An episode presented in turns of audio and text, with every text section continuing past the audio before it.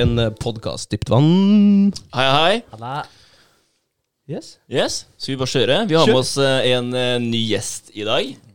Eh, og Gjesten vi er så heldige å ha med oss i dag, det er en gründerspire uten like. Han har vært med på å åpne et eget parfymeri. Han har vært teamleder og merkeansvarlig for bl.a. Loreal. Han var med på å bygge opp Bad Norwegian, som er et norskprodusert hudpleiemerke for menn.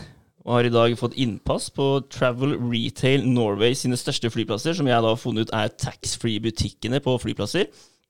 Som er jævlig kult, forresten. Scheisse. Ja, I dag har han eh, fokuset retta på en helt annen nisje. Han er nemlig co-founder og daglig leder hos Yair, som er et eh, selskap som skal åpne arbeidsmarkedet for dyktige, selvlærte IT-utviklere og spesialisten. Gjesten vi har med oss i dag, er ingen annen enn Karl Arne Meyer Melin. Hallo. Tusen takk, eh, Karl Arne, for at du tok deg tid til å komme hit. Det setter vi stor pris på. Yes, veldig hyggelig. Ja, Bra intro. takk. Som jeg skulle sagt det selv. Ja, Jeg, var, jeg var med å åpne parfymeri. ja med. med. Ok, ja. Greit. En liten, liten feil fra meg. Hvor, hvor var det her, og, og når var det? Det var i Når det var, ja. Eh, Det er vel lenge siden. Eh, Det var i Oslo. Eh, Det var faktisk når eh, Eger eh, magasinet på Karl Johan åpna for første gang. Eh, Og da var jeg med å åpne parfymeri der. Og da hadde vi eh, frontvinduene til Karl Johan. Eh, vi hadde den frontbutikken der, husker jeg. Eh, og det var stor stas da at vi skulle få et sånt stort, eh, eksklusivt uh, magasin i Oslo ved siden av i tillegg til Sten og Strøm, da. Som liksom har vært i alle år. Men nå fikk vi en sånn enda mer high end uh, magasin da, i Oslo. Men det ble veldig sånn Jeg husker senterlederen der. Eh, hun gikk ut, og det var full ståhei på NRK og alt dette her. Og en flott dame. Men hun gikk ut og sa at eh, ja, her kan dere få sko til eh, 20 000 kroner stykk. Det var det første hun sa. Så tenkte jeg nei. Altså, Norge er ikke så stort. Du må ikke begynne der. Vi er ikke så mange mennesker i Norge, så du liksom stenger så mange mennesker ute. Vi er et parf- parfymeri med merker som du kan få kjøpt både på enkeltstående parfymerier i hele Norge og, og på high end-magasiner. Så liksom, jeg var så redd for at man skulle skremme vekk kunder, og det tror jeg hun gjorde litt òg, for vi slet med å få kunder til å tørre å gå inn i det magasinet. Ja, alle trodde du skulle ende opp med sko til 20 000. Ja, absolutt. At det bare var det prissjiktet der, da. Ja. Ja. Den er litt lei, da. Da hadde ikke Ja. jeg gått til der heller. for å si det sånn. Nei, det er dårlig markedsføring. Så, men men det, det er litt kult, da, fordi du, du starta med å jobbe i en parfymebutikk, kan det stemme? Mm. Ja, det stemmer det. Og så jobba du deg oppover for å så bli med og starte et egen, en egen butikk, da. Ja. og bare det er jo ganske imponerende i seg sjøl. Det gikk jo på det at jeg var, jeg var under studiene. Jeg skulle bli jurist, så jeg studerte sammen med en kompis. Og så fant jeg ut at at det var liksom ikke et meg da, å, å, å gå den veien. Så da begynte jeg å jobbe 100% i en vikarstilling på et parfymeri på um, Gunerius. På hva skal vi si, østsiden av Oslo, for å si det sånn. Mm. der traff vi mange forskjellige mennesker, og, og det var spennende. Det var det ikke 20 000 kroners eh, sko? Nei, det var ikke der. der. Men, men, eh, men veldig, veldig hyggelige dame som ansatte meg der. Og det var på en måte, så vidt jeg forsto på henne, at en av de første gangene man ansatte en mann i parfymeri. For hun lurte veldig på hvordan vil det være å ha en mann som jobber med parfyme, sminke, makeup, ikke sant. Ja. Uh, men jeg har alltid vært veldig kreativ. Uh, glad i å tegne farger, glad i å snakke med folk, glad i design, uh, parfyme, lukt. Så jeg lærte fort, da. Så hun ble nesten som min andre mor i Oslo og tok vare på meg. og liksom Jeg var usikker hvor skal jeg hen, hvor vil jeg hen? ikke sant? Og da fikk jeg 100% stilling. Og det var liksom første gang jeg hadde en sånn eh, eh, åtte timers jobb. da. Eh, at ikke man jobba deltid og studerte. ikke sant? Eh, og jeg ble så glad i det. Og da gikk jeg bare videre i den bransjen. Eh, som igjen da Da jobba jeg vel på Gunerius faktisk i tre år. Og så gikk jeg videre da, når Eger åpna, da. Og fortsatte der. Og så var jeg vel der i tre-fire år. Og så var det jo over til leverandørsiden, da. Eh, og jobbe med, med Først så jobba jeg vel med eh, et merke som heter Guerlain, som er eh, en av de Hva skal jeg si Parfymen til Guerlain er vel en av de første som ble satt i system på 1800-tallet. At det var Napoleon som, eh, som de produserte parfyme til. Da. Så det ble satt i et system. Så derfor har Guerlain den bien på makeupen sin og på parfymen. da. Selveste Napoleon. Ja, selveste Napoleon, Oh, som shit. var i krig med Som vi var alliert med, faktisk, eh, og i krig mot England med. da. Mm. Fantastisk. Ja, det er det er litt kult med, med en bakgrunnshistorie der. Mm. Ja. Hva var det som eh, fikk deg inn på altså det her eh, gründersporet, at du skulle starte noe eget?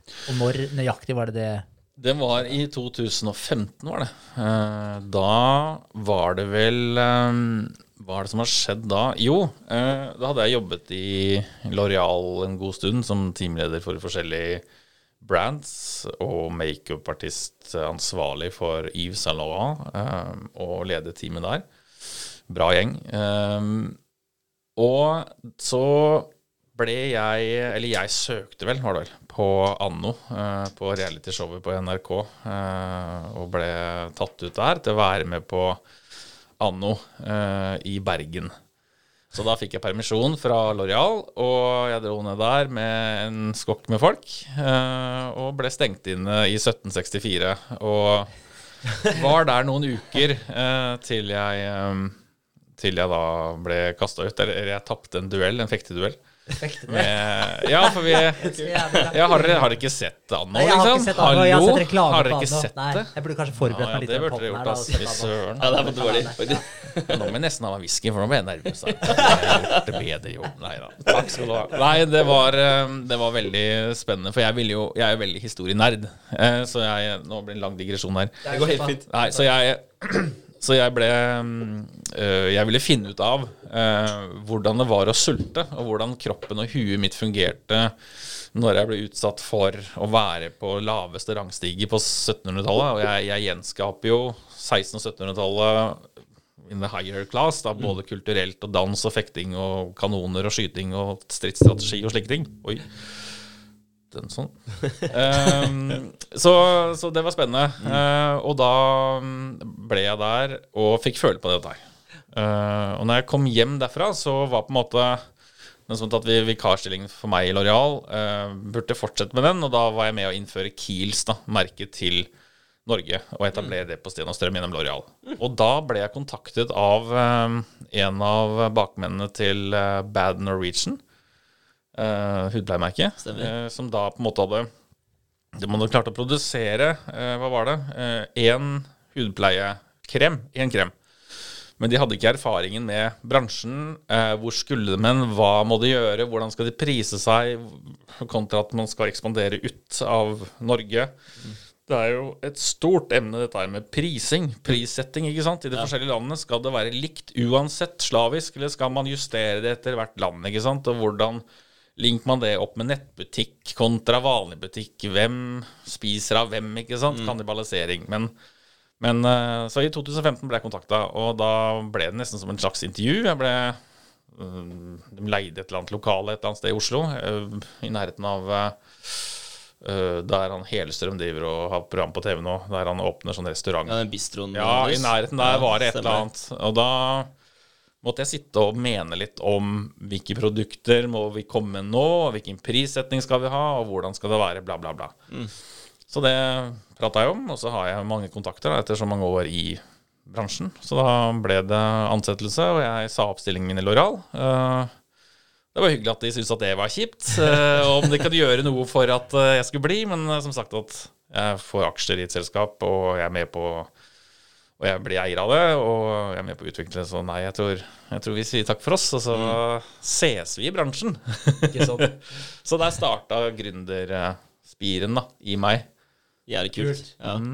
Så det var ganske nytt. Heftig. Men da, da må vi innom litt innom Anno da, før vi slipper Ja, det den helt. Hvordan, eh, hvordan var den opplevelsen? da? For du, du er jo, som du sa, så du kultiverer jo litt sånn type 1700-tallsskikker, du. Ja, vi har sett Altså, noen, eh, noen bilder. Du har jo noen drakter, flotte drakter, da, som, ja. som mm. må nevnes her også. Vi har Ja. veldig lyst til å være med òg, bare så du vet det. Ja. det er, eh, Ja, men ok, men da tar jeg dere seriøst. Det er Ja. ikke noe rør da, altså. Nei, nei. Nei. Det er jo en stor utfordring Ja. eh, for oss. Ja, og, og- dere har gjort det før? Og for referanse her, da, så snakker vi da om å kle seg ut som soldater på Fredrikstien festning. nei, nei, nei, nei, nei, nei. Nei. nei, nei. Nei, ok, ja, da vil Ja, vi vi- Kan vi få lov til å forklare da.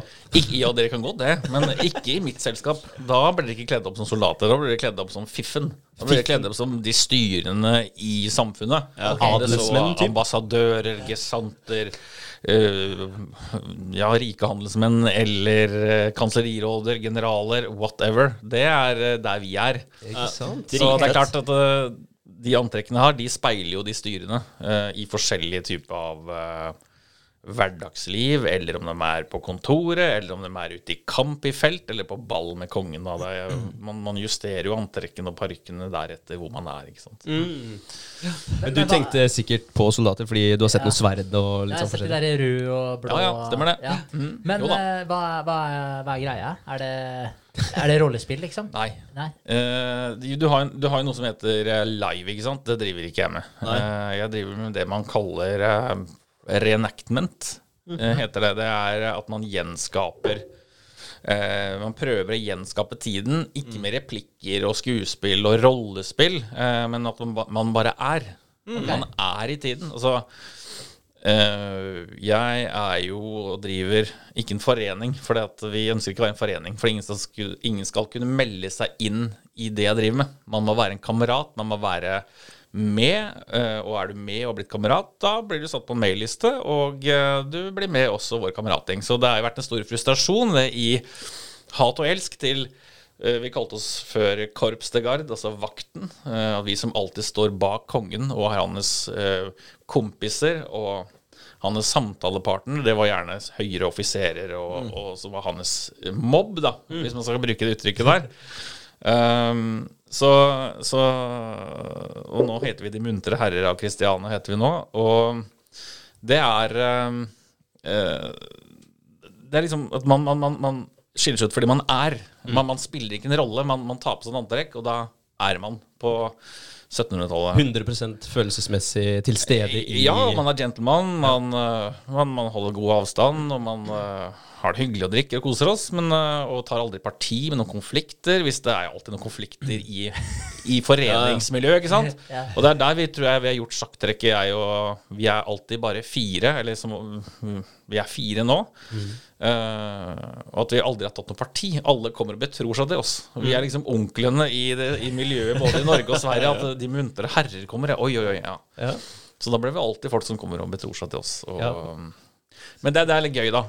Um, og, og det er også uh, Det er også mantraet mitt at vi skal være brobyggere. De muntre herrer av Kristiania skal være brobyggere og skape positivitet. Og det finnes alltid to sider av konflikter og ideer og, og, og, og visjoner, og da skal vi være med å gjøre alle parter gode. Eh, og bygge broer og ikke ta parti med noen. Og være en trøstende skulder og, og, og backe opp og være til stede på arrangementer og, og bidra til positivitet. Da. Det er jo vårt eh, mantra. Og da tenker du i miljøet? I miljøet når vi er i antrekk. Ja. For det er jo store eventer som skapes, det er store slag som skapes. Og de slagene de, det krever jo masse ressurser og planlegging. Og man har styrer i foreningene, da kan det fort bli interne eh, konflikter. Det er jo noe, sånn er det, ikke sant? Det er jo helt naturlig. Og uenigheter. Men da ønsker jeg liksom å være en som eh, binder broer og viser Få fram det beste i hver part, da. For alle har noe godt å komme med. Men blir det i samme type miljø som da Er det ikke noe som heter LARP?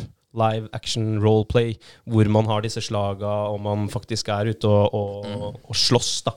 Blir det samme type miljø? Der er du inne og, og Ja, ja, ja. ja. Vi, det samme miljøet i Norge. Fantastisk miljø vi har i Norge med mange forskjellige foreninger på 1700-tallet. Vi har også 1800-tall, men nå er jeg, veldig, jeg er på 1700-tallet. Og eh, der er veldig mange flinke foreninger som er med å samskape. Nå snakker vi også Sverige, eh, og, som er med å samskape slag som faktisk har skjedd. da. Eh, og da møtes vi på slagfeltet med kanoner og musketter, og, og, og vi har teltleire og sover ute i, i telt, og har uh, feltdisiplin, og, og, publikum kan komme og se på dette her, da. Ja. Uh, men så har vi det vi kaller den fria striden, på svensk uttrykk, da.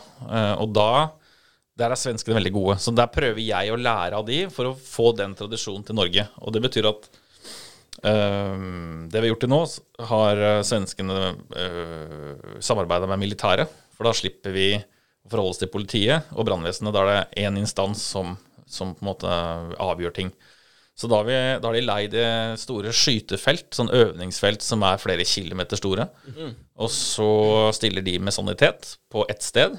Og så blir vi kjørt ut i lastebiler i forskjellige retninger, nordmenn og svensker, og der etablerer man leir. Man vet ikke hvor fienden er. Og da er det marketenteri, altså kvinner, Tasha og, og, og, og menn, da, og kjøpmenn som var med ut i felt, etablerer da eh, kjøkken og hvordan vi skal ha maten og preservere den. Og så er det militær disiplin med teltgater, offisersteltet, og så er det det å sette opp kanoner og forsvar. Eh, for da vet vi ikke når fienden kommer, men ingen vet hvor vi er. Mm. og eh, begynner å lete etter fienden. Men så har vi noen spilledere som kaller det, som i tilfelle man begynner å lete etter hverandre for mye, så Gi noen hint. ringer de til hverandre, og så gir man noen hint at nå må dere gå dit eller dit. Ikke sant? Eh, og da er det ikke publikum. Da er det full rulle. Hvordan eh, holdt jeg på å si, hvis du blir skutt, da, hvordan foregår det? Ja, vi har, vi har diskutert mye av det der. Uh, for det, um, det er jo et problem. Men vi har laget noe som heter dødslapper. At eh, før man går ut i felt, så trekker du en lapp, og der står det at etter at du har hørt tre skudd, så at du hører tre skudd mot deg, da, da dør du i ti minutter, eller må gå i ti minutter i gæren retning.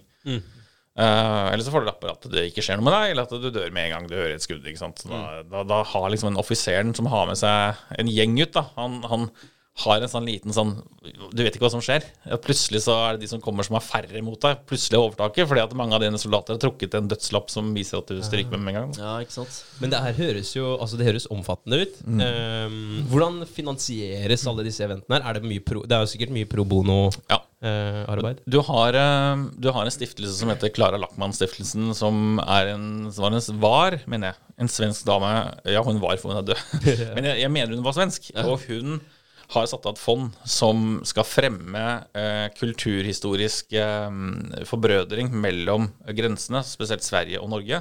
Så å si at eh, um, nå uh, Vi har jo dannet en, en forening som heter Slottsloven, av at jeg liker å lage barokkfester, som dere nå skal bli invitert på, for nå har dere utfordra meg. Kult. Eh, men når vi har disse festene, altså, og vi bruker kanoner og, og alt dette her, så, så kan skader Ting kan jo skje. Og da er det greit å ha en forening som jeg kan ha, ha en forsikring som jeg forsikrer gjestene på selskapet, ikke sant. Eh, men når jeg har den foreningen, så kan jeg søke midler hos Klara Lackmann. Så da kan jeg få eksempel søke på 50 000 kroner. Da. Så får jeg 50 000 til å bruke på en fest da, og lage et selskap. Men du kan også søke på større midler. Um, Jævlig kult, da. ja, ja. Og, jo, og foreningene har jo sine oppdrag utenom de store eventene, som er pengedrivende, sånn som salutter og, og brylluper og alt mulig. ikke sant? Guidinger, hva det måtte være. Så de ø, har sin egen privatøkonomi da, på det. Ja. Heftig. Eh, Men, Ja, eh, men. Det er det. hos oss så, så drifter alle seg selv i De muntre herrer. Vi har våre egne antrekk, vi betaler for oss selv, det er ikke noe forening. Ja. Så vi, på måte, vi, vi, vi passer godt på oss selv, da. Men vi er jo som sagt de musketerene at vi, vi stiller alltid opp for hverandre. Så én for én, alle for én, eller én for én og alle hver for seg, eller hva jeg skal si for noe. Vi tar en, Ja, ja, en, skål. en skål for eh, alle, alle for en her også. Og så har vi en på, på siden her som Ja. må få være med òg. Skål. Skål. Det skal sies at vi har jo en gjest i studio, enda en gjest, som er passiv eh, lytter. Vi har ikke mange nok mikker. Vi har ikke det. Men han kan få si hei hvis du har lyst til det. Hei. Ja. eh, hei. Er Sturle. mannen til Karl Arne her. Hyggelig, Veldig, hyggelig å ha hyggelig. begge, begge to her. Stødig kar. Det er bra. Er det i forhold til anno, da? Altså, jeg må Mm. bare si det. Altså, Hvis jeg skulle starta altså, Eller hvis jeg skulle starta noe nytt, da, Mm. så, som da folk skulle være interessert i, så hadde det aldri falt meg inn å starta det som du akkurat har prata om nå. For jeg hadde aldri tenkt at det var noe interesse for det. Men det er jo, der ser man da hvor lite man vet. Du snakker du nå om at det starta det historiske etter anno? Ja. Nei, nå tenkte jeg egentlig på det, alt det du gikk gjennom nå, i forhold til den her eh, Ikke rollespillet, da, men det å være Reenactment. ut, eh, Reenactment Sånn, ja. Ja, av ja. 1700-tallet. Det er noe jeg ikke trodde at eh, så mange At det var et så stort miljø for. Ja, ja. Ja. Ja, det var, eh, men eh, det var mye før det anno. Jeg starta med det. Jeg var jo liten gutt da når jeg eh, gikk inn i Fredriksten artillerikompani på festningen her i Halden. Fordi det var en guide der som var helt fantastisk. Som uh, Er det han som er eh, guide nå, eller? Nei, også hun het Madeleine Lydén Løhegarat. Det var en svensk dame. Hun er død nå, dessverre. Hun var helt legendarisk. Hun var eh, Hun bodde i Halden, men hun hadde tidligere bodd i, Gøteborg og var VD-sekretær for et eh, hvitevarefirma. Hun hadde vært på en stor konferanse der hun sklei. Og ja, å le, men hun, hun, er så fantastisk. Hun hadde så humor. Og hun, hun knakk eh, ryggen og fikk operert den. Og legene klarte å gjøre sånn at eh, når de opererte henne, at hun lamma henne benet. Så hun gikk og slang på det benet med en krykke, og hun guida så du smakte blodet på festningen. At jævlar, svenskene kom, ikke sant? Og jeg var jo helt sånn betatt som gutt, da. Og så kom jo, i 1995, mener jeg, så kom jo Dustin Hoffman med sin tolkning av Hook, Kaptein Krok, og, og han eh, Hva het han som spilte i Peder Panna? Han heter jo uh, Williams. Robbie, Rob Williams. Ja. Rob, Robin Williams. Robin Williams, ja. Stemmer det. Ja, og jeg ble helt Det her var jo eksakt tolkning av tiden. Ja. Da kom den store barokke uh, motskaperen i hodet, og interessen for å skape tiden 16 Begynnelsen av 1700-tallet opp i hodet mitt, da, som gjorde at jeg begynte å studere malerier, og i voksen alder har begynt å få skreddere til å sy opp antrekk basert på maleristudier, og ha tyske parykkmakere som lager parykker til til antrekkene og får tak i hatter fra Frankrike og gjør ting ordentlig, da. Eh, ikke sant? Så det er liksom Det er de antrekkene dere skal gå i. At det er skreddersydde eh, Ja. Alt helt, har en tanke, da. ja, Det er helt fantastisk. Altså. Jeg blir ordentlig gira av å høre på det her. Ja, det som er jævlig gøy, er jo at Vegard har nevnt det her flere ganger. Det er bare så det er sagt. Altså, vi må bli med Vi må bli med på det greiene. bare for å si det sånn, uh, nå sitter Sturle mannen min på sida her, stødig kar, Uh, mange år i Forsvaret, og det syns fordi at han er den til nå, i min tid i det militærhistoriske miljøet, som kan på en maks maskulin måte bære og gå i rødhælte, høyhælede sko. 1600-tallet sko som er svære hæler, rødmalte og flott spenne. Og lang parykk. Han er så maskulin og gå Altså, folk bukker nesten til han. Han er så militær. Det er helt rått, altså. Så, og det altså, liker jeg med 1600-tallet, at selv om du har lange hår og høye hæler, så er det supermaskulint. Det er sånn mm, Ja. Det er kult. Og så er det så morsomt å høre hvor stor påvirkningskraft det kulturelle har, og, verk som har blitt laga, historier som er fortalt. Vi har jo snakka om Peter Pan mange ganger før. Og det her har jo inspirert deg til å, å gå videre med alt du egentlig har, eh, har holdt på med. Jeg har en liten sånn fun fact på akkurat det der. På historie, musikk og alt det der. Jeg var i, i London eh, noen måneder i forbindelse med Bad Norwegian. Da var vi på en inkubator der som het eh, Founders Factory. Som Ble, lang historie, men vi ble invitert av de til å, til å være der. da. Så da hadde vi kontor i Kensington. Eh, de holdt, Founders Factory holdt de der. The Guardian satt under oss, og det var skikkelige saker. altså. Det var eh, kjempekult. Men da traff vi mange forskjellige mennesker. Og der klarte jeg å fornærme uh, en par eh, jeg var i samtale med eller drakk litt øl med. Uh, for vi begynte å diskutere historie. og da klarte det å lire ut av meg, selvfølgelig, at uh, det er så rart, vet du. At dere briter har basert nasjonalsangen deres på fransk musikk. Hva? Altså God Save Our Precious Queen, eller King nå, da. Bam, bam, bam, bam, param, ikke sant? Nei, den er engelsk og skrevet av Hendel i 1720-ish. Nei, det er den ikke, sa jeg. Jo, det er den sånn. Nei, den er skrevet av at den franske kongen på 1680-tallet overlevde en rumpeoperasjon, sa jeg. Ja, no, no, du holdt på å bli slåsskamp, vet du. Og så sa jeg og så, De trodde ikke på meg. Så sa jeg nå må dere søke opp Jean-Baptiste Lully. Han var Ludvig den 14.s eh, hva skal jeg si, ambassadør utad for å vise Frankrikes makt gjennom musikken. Og han ble utsatt for en enorm byll på rumpa. Og det var sett på som døden når sånne operasjoner skulle gjøres. For leger den gangen, det var jo smittebærere til tusen, ikke sant? For det de starter med, man, man skjærer jo opp og årelater for å rense. For de trodde at blodet sto stille i kroppen. Så da måtte det bevege seg. Da var det årelating. Og så var det brekkmiddel til å kaste opp, og så var det avføringsmiddel. Pang! Og da er du nesten dau da, ikke sant? Og så skal vi skjære.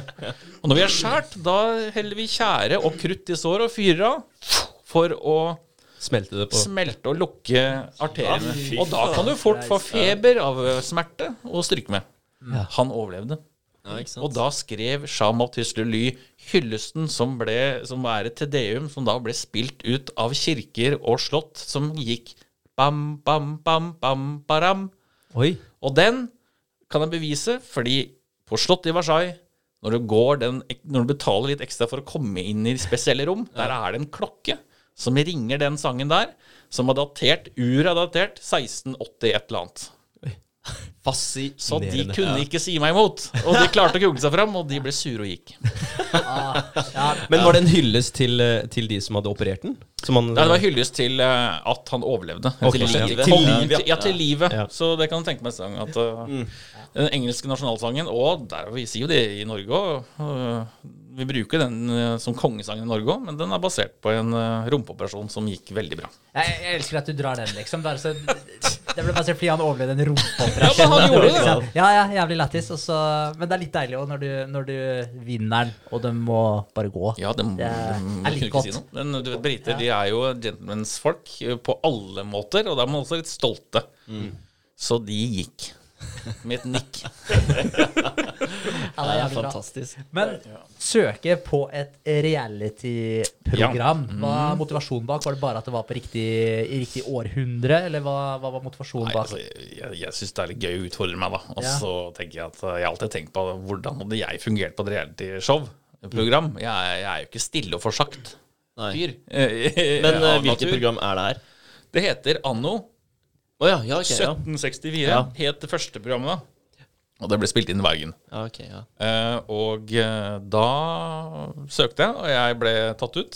Og da var det først sånn derre forintervju, eh, da, der vi skulle sitte i en sirkel, og så ble vi spurt om forskjellige typer av spørsmål. Sånn, ja, hva syns du om de forskjellige personene her? Vær ærlig. Ikke sant?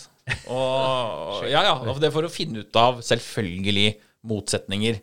Og lage drama. Ikke sant? Man skulle ikke ha folk som bare var enige. Ikke sant? Så jeg var jo på Anno sammen med hun som nå er justisminister, hun um, Mehl. Emilie Mehl. Ja, Emilie Mehl. Hun vant jo den sesongen jeg var i. Ja. Eh, og uh, hun som sitter i styret mitt i Jair nå, hun ble jeg kjent med der. Hun var jeg innstengt med. Gro Håvik. Fantastisk kvinne. Så det var veldig mange mennesker, interessante mennesker å lære av der. Eh, men motivasjonen var at jeg ville Det var historie. Og så var det å utfordre meg selv på hvordan vil jeg takle det å ikke få mat, og det å spise 1700-tallsmat eh, på lave nivå. Og det å erfare å bli følt at du er en dritt, da. Eh, For dette var jo det du var født inn i gangen, det var du. Du Glem dine drømmer, for å si det sånn. Mm. Det er du, du, Filosofien var at der du er født, der skal du være. Ikke sant. Ikke prøv å utfordre systemet. Da blir du spadd ned bak dass, for å si det enkelt. Så, så det, var, men det var kjempespennende. Veldig angrer aldri på det. Og da kom jeg hjem. Og da var det jo, som jeg snakket til dere om, at da, da begynte jeg å bytte beite til å bli med inn i Bad Norwegian. Fy Heftig. flate. Og det, Ja, er, det eh, det er en kul, eh, kul forestilling. Men kan du bare ta korte trekk? Altså anno, eh, hvordan bygde det seg, det seg opp, Ja. og hvordan vant man? Ok, Anno 1764, da ble vi s- kom vi på- i Bergen, og man lagde et innramma område. Eh, og der skulle vi da eh, Man skulle eh, lære seg et fag og bli mester i faget. Ikke sant? Og da var det det at man skulle rekke opp hånda, eller man valgte ut en som skulle være lærling. Og da kom det f.eks. første uka, så var det en glassmester som at du skulle blåse glass, da. Så da var det en der inne som sa 'jeg vil', og så får du ta med deg to lærlinger. Da ble jeg en lærling, og så en annen en. da. Og da skulle vi blåse glass, x antall, og det skulle bli godkjent. Eh, Ble det godkjent da, da var det liksom at man da fikk et større oppdrag som skulle gå over en uke, for dette er hver to-tre dager eh, vi holdt på med at mest, nei, to dager, at mesteren skulle komme og se om det ble godkjent. Og så skulle vi holde på med det oppdraget en uke, da. Samtidig som vi fikk flere oppdrag, selvfølgelig. Og da, nesten som Farmen, at da kommer mentoren eller oldermannen da, og godkjenner eller ikke godkjenner. Godkjenner vi, så får vi en svær middag, og man får Og, og hun eller han som som er villig til å være lærling, blir da Jeg husker ikke om han ble mester. Jo, men han ble mester i glass, glassblåserfaget, da. Og hvor flere mesterbrev du hadde, ikke sant. Hvor større sjanse hadde du i en finalerunde og ja, sånne ting, da. Og eh, så var det da råd eh, på slutten av hver uke, og da skulle man eh, og den som Åssen var det? Ja, det var- et eller annet med at hvis du ikke klarte oppdraget, da ble det automatisk en, eh, en duellant. da Og så, måtte man, og så ble det valgt en duellant, og dem skulle da fekte mot hverandre. På Borgplassen i Bergen, da, på Bergen husfestning.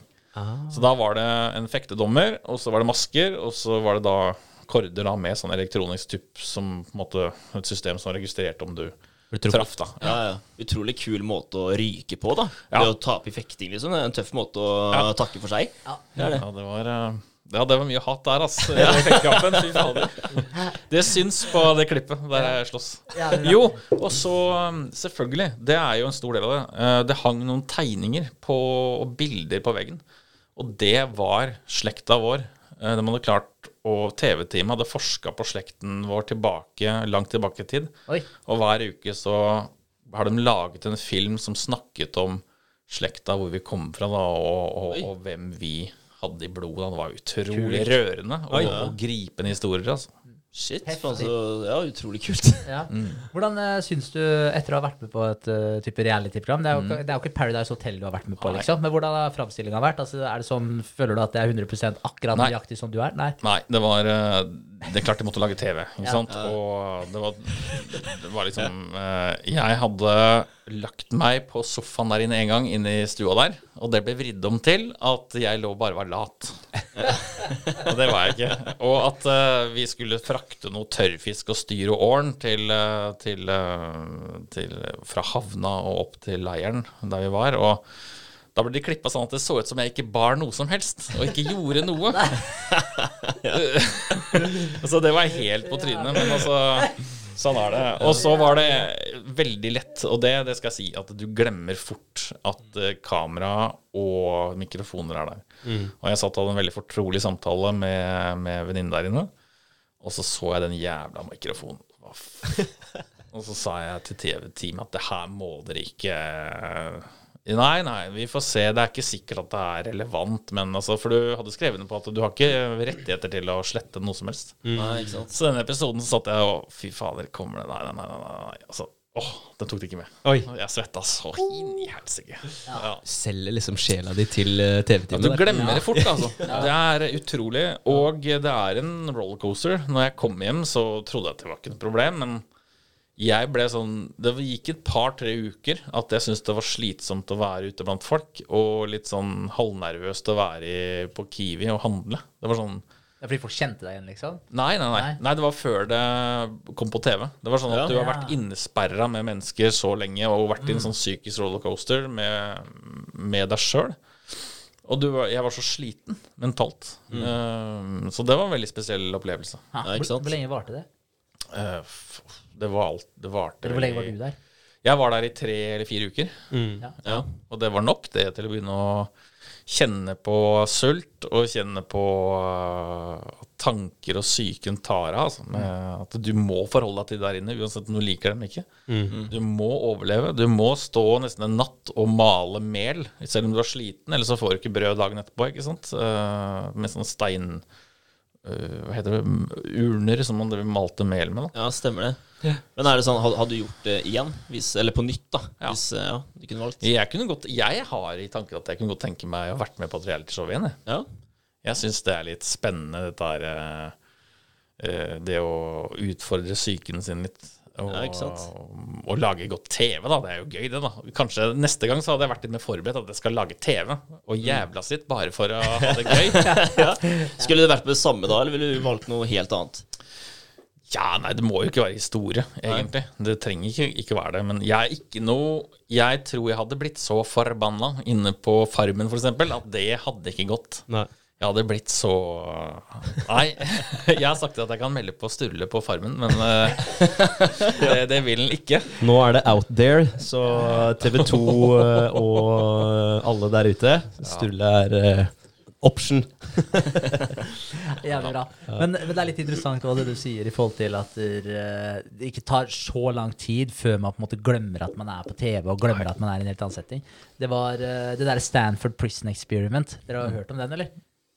Har du hørt om det? Nei, det har jeg ikke hørt. Det Det, var en fyr Nei, det har vel ikke gått på TV. Det er laga film ut av det. Det er den som spiller film, som er laga ut av det. Eh, ja, du har hørt om det, Sturle? Ja. Eh, Der var det en eh, professor som skulle forske på det her med hvordan forskjellige typer roller, da, hvordan det påvirka eh, oppførsel, syke til folk osv. Så, videre. så han, eh, han eh, reenacta da et, eh, et type fengselsopplegg, sånn at du hadde så og så mange Det var studenter alle sammen. Så halvparten av studentene de var fanger. Halvparten av studentene de var vakter. Og, eller betjenter, da. Eh, og så eh, og så de bare Så ble de egentlig overlatt til seg sjøl. Og da hadde de celler videre, som disse studentene ble låst inn på. Vaktene fikk bare ta over. Og det tok seriøst ikke mer enn typ et døgn. Og allerede da så hadde vaktene begynt å misbruke makt og bli mer voldelige. Og det her skulle vare Husker du hvor lenge det var, Sturle? Var det tre uker? Fem uker? Et eller annet sånt? Ja, noe noe i den duren.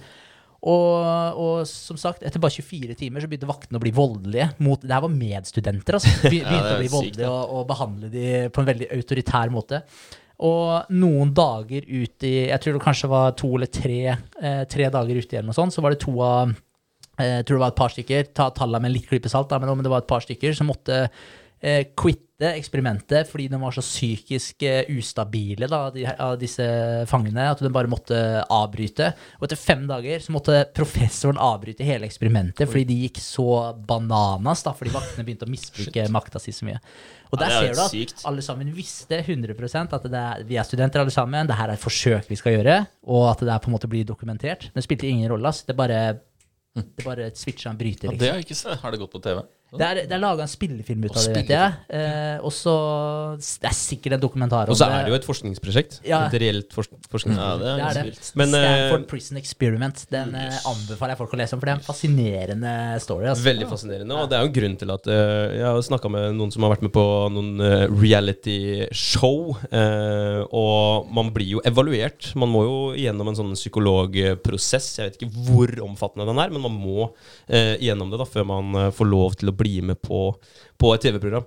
Og det er jo ikke uten grunn, når du eh, hører hva som skjer med, med studenter som vet at det her er ikke ekte. Det her er faktisk bare noe vi, noe vi fabrikkerer.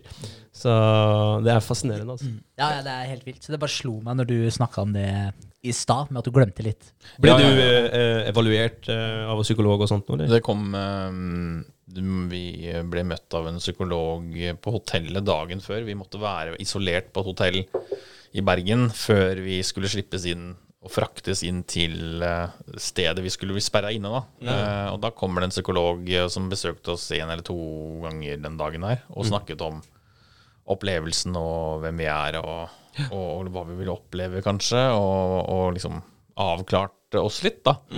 Eh, og så fikk vi bind for øynene, og så ble vi satt i en minibuss og så på en båt. Og så fikk vi ikke snakke med hverandre, vi skulle bare se rett frem. Og så ble vi satt av på Bryggen i Bergen, og da fikk vi snakke med hverandre. Ja, og så ble vi ført inn til det stedet, da. Men etter man kom ut fra noe, så syns jeg de var flinke, NRK i kombinasjon med Hva het det? Uh, jeg lurer på om det var Strix-produksjonen produksjonen, som holdt på. Men da fikk vi oppfølging av psykolog. Så vi fikk en fire eller fem timer hos psykolog eh, som vi måtte gå på eh, og prate ut om, om eh, Jo, eh, vi, vi skulle forberede oss på at nå kommer vi til å komme på TV, og at eh, og man har snakket og sagt noe man kanskje angrer på, eller, eller liksom ikke vil skal komme på skjerm, men at det kanskje gjør det likevel. ikke sant? Og det, det var veldig proft, egentlig. Så, så eh, jeg måtte skal nyansere det litt, det jeg sa med at man setter opp folk mot hverandre. For jeg mener, for anno eh, Jeg tror ikke de la opp til sånn rent kynisk at man skulle finne mennesker som, som var mot hverandre mentalt, da, som ikke passa sammen, som de helt klart gjør på Farmen og, og, og de showa der. Så, så, så Anno var egentlig mer et realityshow der man skulle utfordre seg selv og vise at man kan lære seg et gammelt fag og bli mester i det faget på den gamle måten. da Mm. Så der var de flinke. Så, men ja. Psyken din får kjørt seg, og uh, du glemmer etter bare noen få dager at kamerateam er der. Og det er litt skremmende, egentlig. Ja, det er det. Ja, det er litt skremmende. Men uh, i forhold til nysgjerrigspurt, hvor mange søkere var det på anno? Oi, det? det var mange tusen. Ja. Hva, hva var det som gjorde at de valgte deg, kaller Arne? det? Jo, jeg, jeg satt meg i fylla eh, klokka tre om natta og eh, var passe full. Og gikk inn på NRK sin eh, side der man skulle søke om å bli med. Og jeg satt og skrev, og jeg strikka send, og jeg hadde et Hva faen gjorde jeg i går? Hvorfor NRK? Jaha, har jeg søkt på det der? og så ble jeg ringt opp, da.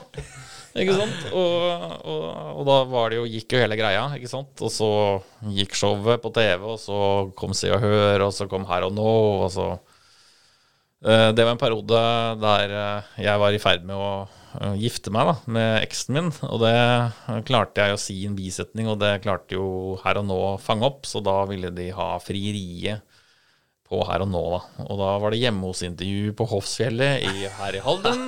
Og det, søker man opp det, så ser man at jeg står og kneler eh, og frir til eh, eksen min, da. Eh, så det, det var masse sånt rare greier. Ja. Ja, det er ikke bare bare å bli kjendis. Nei. For en følelse når du plutselig altså, dykka opp på døra, eller? Ringte de deg først? Nei, nei, nei, det var sånn at da, det var jo Nei, de er kyniske medier, så det er sånn Ja, da kommer vi da, og da må du finne en dato sånn og sånn, og så kommer vi da og da, ikke sant? Men altså, unnskyld meg, hadde du ikke fridd til på forhånd, så det her var Jo. ikke en reenactment? Eller var det Nei, jeg hadde ikke fridd til en da, men vi skulle fri. Eh, eller jo. Jeg tenker jeg bruker lingoen din. Jo, nei, vi hadde fridd. Jo, vi hadde fridd. Ja. Men de ville at vi skulle ta det frieriet på uh, TV, da. Ja, ok, ja, for jeg bare tenkte det presset, da. Jo, du, først skal du fri, og så skal du faen meg her og nå. Jo. Du skal time det med Ja, nei, det har du Nei, det ble helt rått. eh, gjenspilt da for å lage godt uh, magasin. Ja, ikke ok, sant? ok. Ja, det Så var sånn jo er det. enda godt. Ja, for det er noen nervøse timer opp mot et frieri også, ikke sant? Ja. så skal du gjøre det foran medier. Det, det er ganske hardcore. Det er heftig.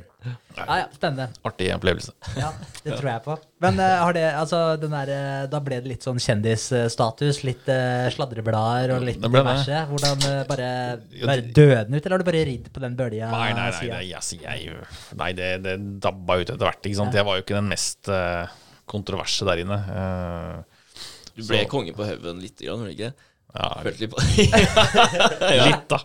Nei, men det var gøy, det. Altså, men det var litt sånn eh, Det var jo nytt for meg. For det var jo veldig sånn at dette kan du få si, dette må du ikke si. Eh, og at eh, NRK, programselskapet, eier deg x antall jeg tror det er et år. Ja, de eier deg etter programmet er ferdig, med at hvis du blir kontakta av andre programmer, eller at du andre management og sånt, og bla, bla, bla, så er det da NRK og et strikk som eier deg, eh, og som skal snakke på vegne av deg. Så det var veldig mye sånn at du ikke måtte bryte kontrakten, for da kan du få søksmål og, og mot deg. Og så det var veldig mye sånn Ja. Jeg som ikke var vant til å være sånn i media, da. Eh, og være på en måte eh, eid, da. Eh, så det var en spesiell følelse, egentlig. Ja, det høres spesielt ut. Så, men nei, jeg, jeg Det ble ikke noe særlig mer enn det etter et års tid, liksom. Så da når liksom nye sesongen kom med anno, så liksom, da var det de det gjaldt, ikke sant. Så, Ja. Så øh, den eneste kjendisen her nå, ordentlig kjendisen, er vel Mehl, vel? Som har øh, kommet seg inn på og vunnet to reality-programmer. både Både Kompani Lauritzen og Anno, og blitt justisminister, så hun er en harding. Ja, hun er Hun er hard, en ass. Det er harding. Det er ei venninne av forloveden min, faktisk. Ja, ja. ja. Men det er det som hun tidlig utmerket seg på, og det skal hun ha, altså. Det er at hun er en utrolig logiker, og at hun tok lærdom fra oldermannen, når vi snakker om noe, uh, og lærte seg håndverk sykt kjapt. Så hun har en utrolig evne for logisk tankesett. Da. Uh, fantastisk fascinerende. Og det ser du jo også litt på, eller mye på eh, Kompani Lauritzen, at hun eh, tar en naturlig lederrolle samtidig som hun eh, hun tar logiske ting lett, da. Mm. så det skal hun ha, altså. Og så har hun stått i liksom hardt vær ute i mediene, og mediene er jo ikke, som du nevnte i stad, de er jo ikke veldig snille Nei. eh, alltid. Nei, nei, nei. Det er negativitet som selger. Det er jo det. Det er jo Ja. clickbait hele veien. Clickbait. Definitivt. Hele tiden. Men eh, hvis vi skal komme litt inn på Jair-sporet, da, for det Ja. syns jo jeg er et eh, Men veldig er det, er det ja. rett etter uh, anno? Eller for vi må liksom ha Ja, okay, litt sånn ja. kronologi her. Ta, ta, jeg trodde han tok liksom den der oppsummeringa kort i stad. Men kjør på, Karl-Arne. Ja, er nei, altså, etter etter anno, her? da er det jo Da, da spoler vi litt frem, og da, da var jeg med å innføre et merke som heter Kiels til Norge, som da var en kult amerikansk uh, merke.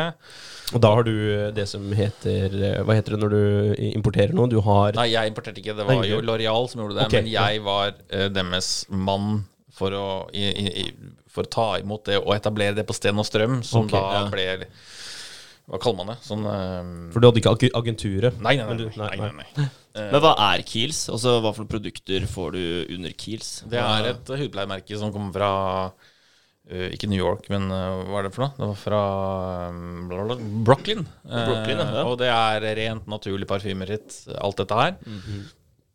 Og Ganske, oi, ganske lekent merke, eh, med markedsføring og eh, Du får masse til menn der. Og kvinner, sånn unisex, men masse bra til menn, da. Eh, og standene er veldig sånn med Kiels-skjelettet, altså med doktorfrakk på seg, og så er det lysekrone og murstensvegg, og så er det ganske kul branding og markedsføring, Altså, så veldig tøft. Så at det var kult at det kom til Norge, da.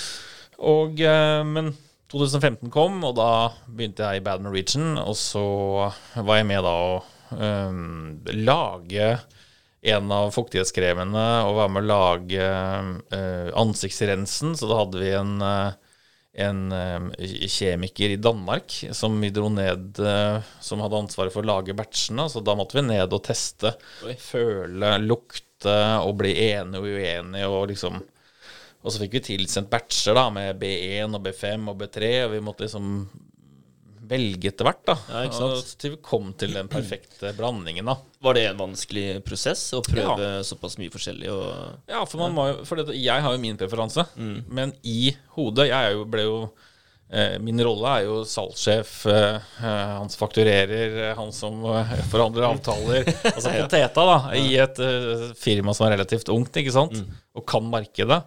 Så jeg måtte jo samtidig ta hensyn til mine preferanser, men hva vil selge, ikke sant? Hva vil folk ha? Eh, og hvordan skal det være? Hvordan skal konsistensen være? Eh, ja.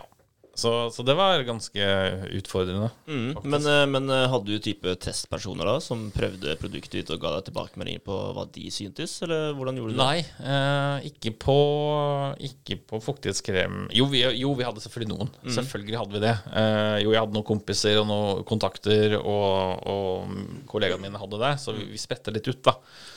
Det hadde vi selvfølgelig. Men vi, vi hadde jo ikke ressurser til å liksom ta Ta tusenvis av mennesker, sånn som uh, L'Oreal og, og de store brandsa ikke sant, har. Uh, så vi måtte jo gå litt på lykke og from, da.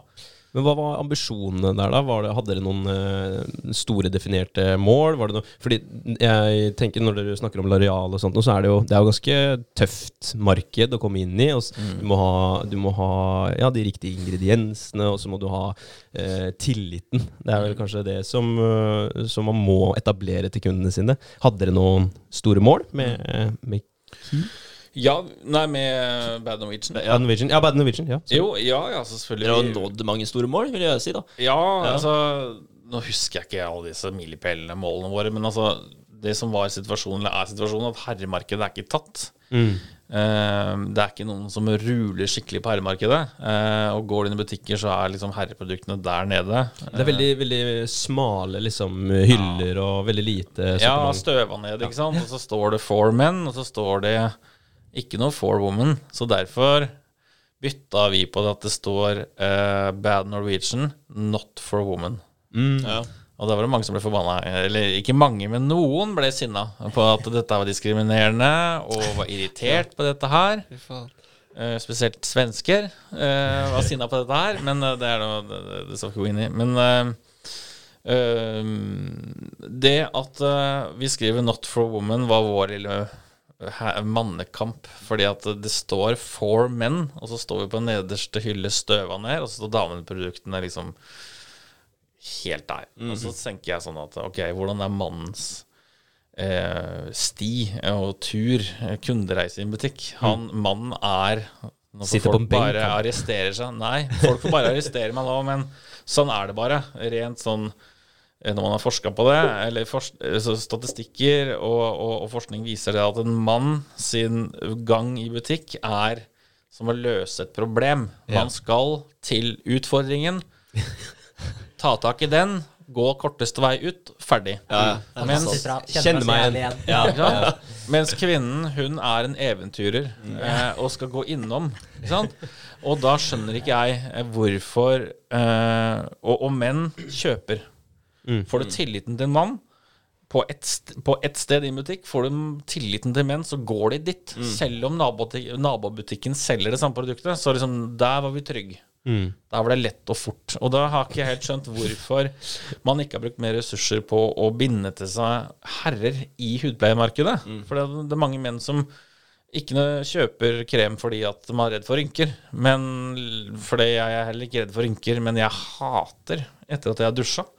Så blir jeg så stiv i trynet. Jeg blir helt sånn sandpapir i, i ansiktet, og det er det verste jeg vet. Så, så liksom, om jeg ikke har noe fuktighetskrem, så tar jeg tak i første body lotion og smører i trynet, fordi at jeg orker ikke den stive følelsen i ansiktet. Det er det verste jeg vet, og er jeg ikke alene om det, ikke sant?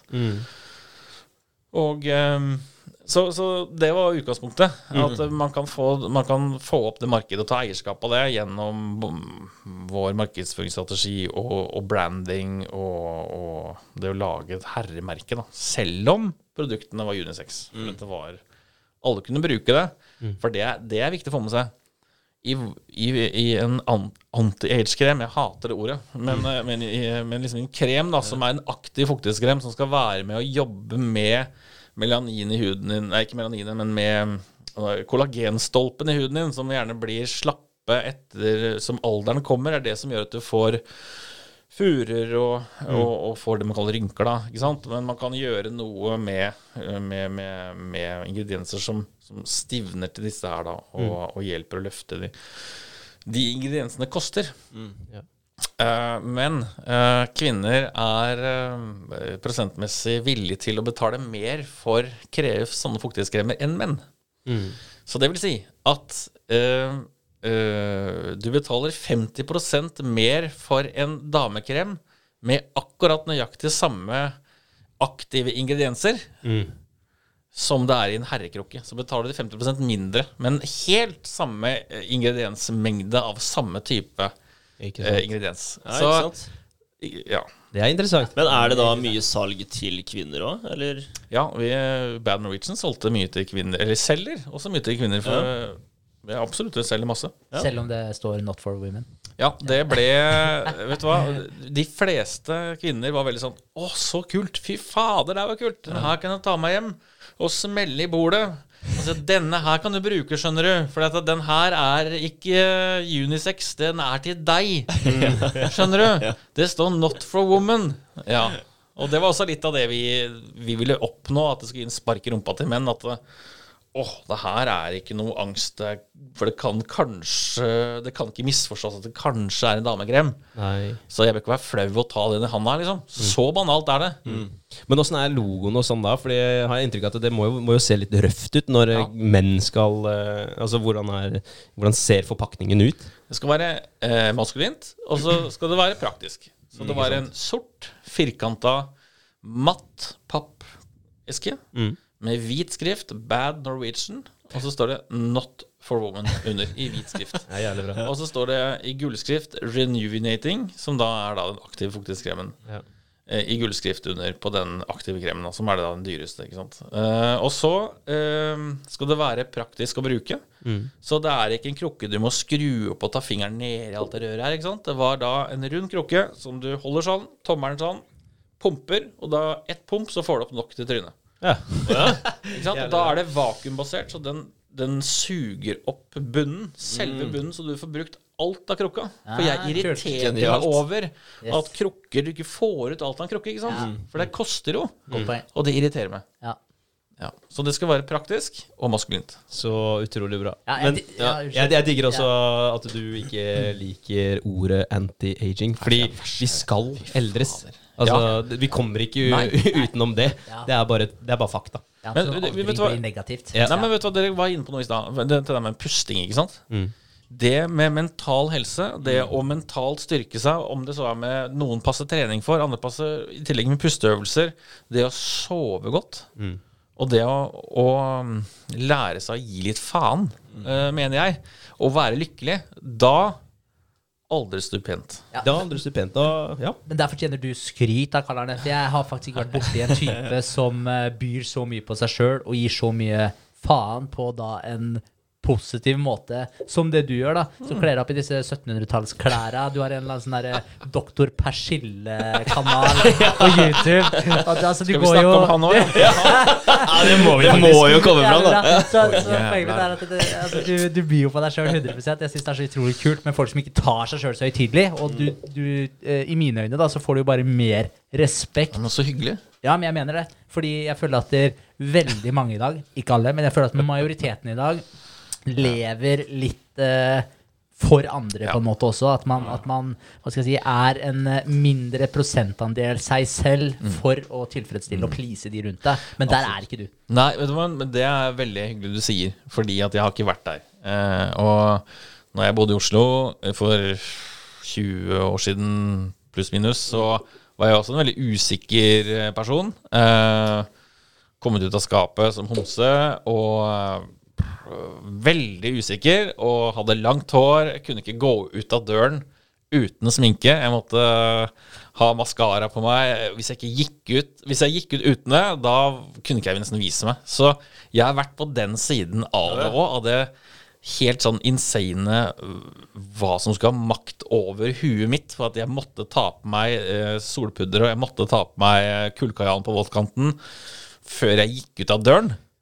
Og i dag kunne jeg jo Jeg hadde jo følt meg helt idiot uh, i dag, uh, uten å kritisere de som gjør det i min alder uh, nå. Men for meg så passer ikke det. Eh, og, og for meg så representerer det en tid der jeg var veldig usikker og, og søkte hvem er jeg, ikke sant? Um, så eh, Ja, hvor skulle jeg med det poenget der? Uh, Ja, men du har ikke alltid, selv, ja, du har ikke Ja. alltid vært sånn. Nei, nei, det har ikke alltid vært sånn. Jeg har vært uh, selvsikker og Eller gitt faen, da. Eh, og det har kommet med åra. Eh, og at man har uh, kanskje ikke valgt den letteste veien i livet, med tanke på uh, jobba seg opp og hoppa på gründerprosjekter og prøvd å skape noe, vært med på reality-programmer og liksom ikke gått inn i en jobb av åtte til fire og tjent godt med cash og etablert meg, bla, bla, bla. da, Og for noen passer det, og for andre passer det ikke, ikke sant. Um, Men jeg tror det bygger, jo, det bygger deg som person når du går på utfordring på utfordring på utfordring. Så at det har kommet med åra, er nok ikke tilfeldig. Det, det er alt du har sagt ja til og blitt med på. Eh, men, men hva var det du, sa for noe? På våt, våt kajun? Var det? Nei, nei det, mm, når du skal tegne rundt øynene, Ja. så heter det kajal. Kajal. Det er, det er, kajal er et uh, Kall det et uh, benevnelse for en blyant som med farge. Ja. Eh, Men på, her under øyet her så har du våtkant. Ja. Og for å tegne på den, så må du ha en kullkajal, for kull eh, viskes ikke bort av det bløte. Og det brukte bl.a. egyptere. Eh, derfor du ser på egyptiske filmer og, og, og gamle Egypt, at de har masse sminke ved øynene. Fordi at da ble ikke øynene irritert av sand. For det er mye ørken og sand, og da må du beskytte øynene og det er bl.a. å legge kull på øynene dine, da. Eh, og derav Oi. det. Så kult. Jeg vet, det det er helt eh, magisk Og- å ha, Ja, men det Jeg er disse historiene. Jeg trodde det bare var pynt, men eh, det var faktisk Ja, ja. eh, for en eh, Hva kaller man det? Praktisk en praktisk grunn. Ja, grunn. Ja, faktisk. ja. Ja. Men, men noe morsomt nå, da, eh, når jeg snakker litt om sminketiden min, det er jo at jeg, jeg var jo på Eger, da, så fikk jeg veldig mange herrekunder. Og det var veldig gøy, for jeg fikk eh, igjen tilliten til mannen. Og jeg hadde faktisk mange forretningsfolk som kom inn eh, til meg før møter og sånt noe, fordi de ville ikke se røde ut i ansiktet, og de ville ikke være sette og blanke. Og da lærte jeg meg opp etter hvert eh, hvordan jeg skulle selge faktisk dameprodukter til menn, forretningsmenn, som de kjapt kunne ta på badet før de gikk inn i møtet for å bare vise at eh, nei, vi har null problem. Og det betyr jo mye, det er førsteinntrykket i forhandlinger og sånt noe, ikke sant. Så jeg hadde mange forretningsmøter, jeg hadde folk fra Stortinget som kom til meg.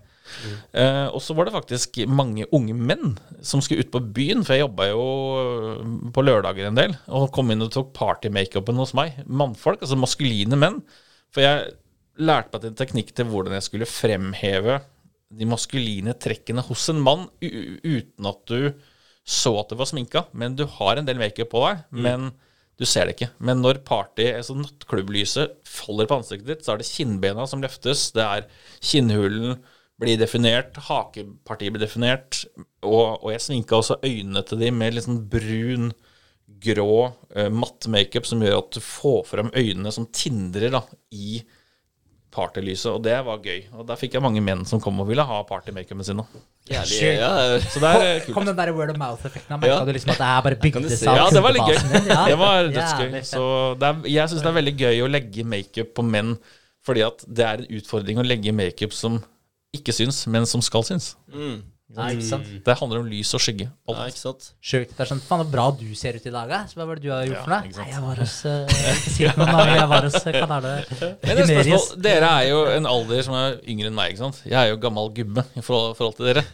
Hvordan er holdninga blant makeup blant deres generasjon? Nei, altså, jeg skal jo Herremakeup? Ja, jeg skal være Bruker. Jeg mener at der, eh, sminke er for damer, mener jeg. Men jeg skjønner også at hvis du har en utfordring med et eller annet, hvis du sliter med mye akne eller et eller annet som du på en måte har noen komplekser med Jeg skal ikke dømme deg om du, om du dekker til det. Altså, Enhver må gjøre sitt for å for, Altså, jeg får personlig frihet. Gjør akkurat hva du vil, men jeg personlig er ikke for Nei, nei. sminke på menn. Jeg tenkte på trend. Om Ja. dere kjenner noen, Er det en trend nå? For jeg husker at i Oslo så var det en, var det en trend at gutta skulle ha solpudre og få Ja. frem ansiktet sitt og legge skygger. ikke sant? Er det det i dag? Tror ikke det er Nei, det. altså, Jeg tror ikke det er det. Men jeg tror, jeg tror det er flere og flere som bruker det. Altså, det, det tror jeg. At det er flere og flere mannfolk som bruker det. Jeg, det, jeg tror det. Altså, Jeg bare sånn, jeg, jeg, jeg føler jo litt at disse Hva skal jeg si, Det er jo litt i tid nå, da, med sånn politisk og hele pakka, at disse skillelinjene mellom eh, menn og kvinner At den på en måte blir litt sånn Viska ut. Og, og det er på, på godt og vondt. eh, men eh, det positive med det er jo kanskje at man blir litt mindre fordomsfull overfor sånne ting. Så det kan være det positive. Men jeg, selv om det har sine negative sider òg, da. Det trenger vi ikke gå så mye inn på nå. Men sånn når det kommer til sminke, jeg tror at det, det blir mer og mer aksept for det.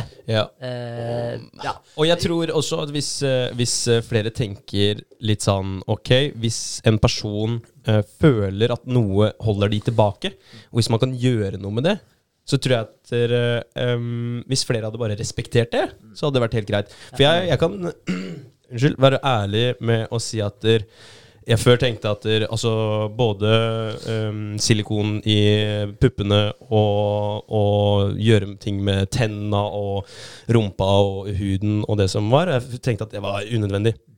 Brukte man mye penger på det, tid på det, og så uh, får man andre til å føle seg kanskje mindre verdt enn deg, og så blir det den der effekten på sosiale medier osv. osv. Men nå i det siste så har jeg tenkt helt motsatt. At hvis du er usikker med deg sjøl, og hvis det er noe du føler at du må ha da, for at du skal kunne eh, bli en bedre deg, så be free. Personlig frihet, som Henrik sier. At du, jeg, vi, vi kan jo ta eksem- eksempler med store bryster. Jeg, jeg føler at de pushupsene vi gjør, de gjør jo brystkassa litt større, og jeg føler meg bedre. Så jeg kan relatere litt til, Jeg er til, veldig enig, faktisk. eh, til silikon i tatterne. Ja, men der vil jeg også skyte inn en ting. Da, for jeg mener det er stor forskjell på ting som kommer gratis, og ting som du virkelig jobber for. Og en ting Absolutt. som kommer gratis, det er hvis du bare maler noe greier på ansiktet. I anførselstegn Noe som ikke kommer gratis, det er å kjøre 10 000 pushups i løpet av 30 dager. Det er ikke enough, men det er ikke gratis å ta silikon. Ja, nei, du må jobbe en, for eh, pengene også. Ja. spare. Du må jobbe for å Ah, spare. ok, ja, Ja. fair, fair enough, da. Ja. Men jeg føler det er litt den, der, litt den eh, enkle utveien. Men nå, men nå ble det spora det her litt av, da. ja, ja. For det var egentlig Men- ikke det vi snakka om. Ja, men det var, det var et godt Ja, ja, ja. spørsmål. Ja, Ja, det er et godt spørsmål. Men hva syns dere to, da, gutter, om uh, sminke på mannfolk? Jeg tror Hva at med tanke på influenserverden, hvordan det brer seg ut uh, i dag, så tror jeg at uh, sminke følger litt med takt i takt som eh, det blir større og større. Det er flere og flere gutter som blir influensere, og da tror jeg også at sminke kan være en del av det. da. Mm, jeg er enig med For å se litt bedre ut foran kamera, rett og slett. Kunne dere sminka dere? Enig med, jeg bare kjapt før jeg svarer på det. Eh, enig med deg, Vegard. Og flere og flere driver med podkast. Jeg bare ser i, i kamera her Altså, jeg kunne helt klart hatt godt av et lite lag rundt øya mine innimellom her. Så, så jeg skjønner det. Altså, hvis man, eh, hvis man jobber med noe som som skal selge, da. Nå er det ikke så mye vi selger ennå, selv om vi har Haldens, Norges sorry, eh, nest største podkast. Så, så skjønner jeg det, at man kanskje får en eller annen ekspert, da, Karl Arne f.eks., til å hjelpe seg. Jeg skjønner det. Men Nei, jeg sminker meg ikke. Nei. Men, men, eh, men det er litt innpå For jeg ser jo på han eh, Kevin O'Leary. Han er jo en velkjent businessmann. Og, og, og han, jeg har jo mad respekt for han. Og jeg ser jo hver gang før han skal intervjues eller så på TV, så sitter han med pudderet og, og børster trynet, da. Mm, Og det er jo ikke sånn jeg, jeg får ikke noe mindre respekt for han fordi han står og eh, påføre sminke Nei, nei, nei. før et intervju. Jeg tenker jo Absolutt egentlig ikke. på det Men det det, det er litt typisk eh, altså type eh, folk som eh, jobber med nyheter og skal på TV, nyhetsanker eller hva de blir kalt. Altså Alle de blir jo også sminka før de går på. Ja, Det er jo vanlig i den businessen her. Hvorfor heter det nyhetsanker? Blir, holder de igjen noen nyheter? Altså et ang... ja, det er det de La være å formidle en viss porsjon av nyhetene. Men de gjør jo ofte det. Ja, de gjør jo det. Ja, men det gjør Men det. det ikke være er- Det anker er ikke, det det. er ikke hele Der er det studielys og sånn ikke sant, som man tar hensyn til. Ikke sant? Så for det, hvis ikke du sminker deg i studio, så kommer mye av ansiktet ditt til å bli veldig platt. Ja, Så derfor Derfor må man ha noe som er studiosminke. Så det er helt noe annet enn sminke du skal ha på deg ut på byen, da, eller i et selskap, eller hva det måtte være. Det. Men altså, historien gjentar seg, så man må aldri glemme det at eh, man brukte jo sminke for 300 år siden, og det var jo statussymbol, og det brukte man jo både Kvinner og menn brukte det høyst høye I aller høyeste grad. Ja, ja, ja. ja.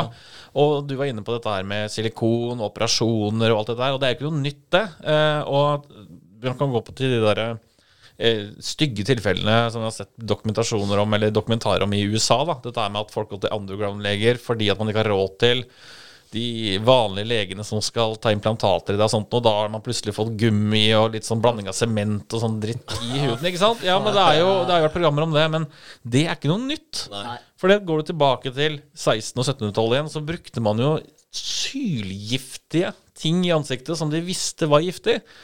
For sminke den gangen et pudder som vi bruker i dag.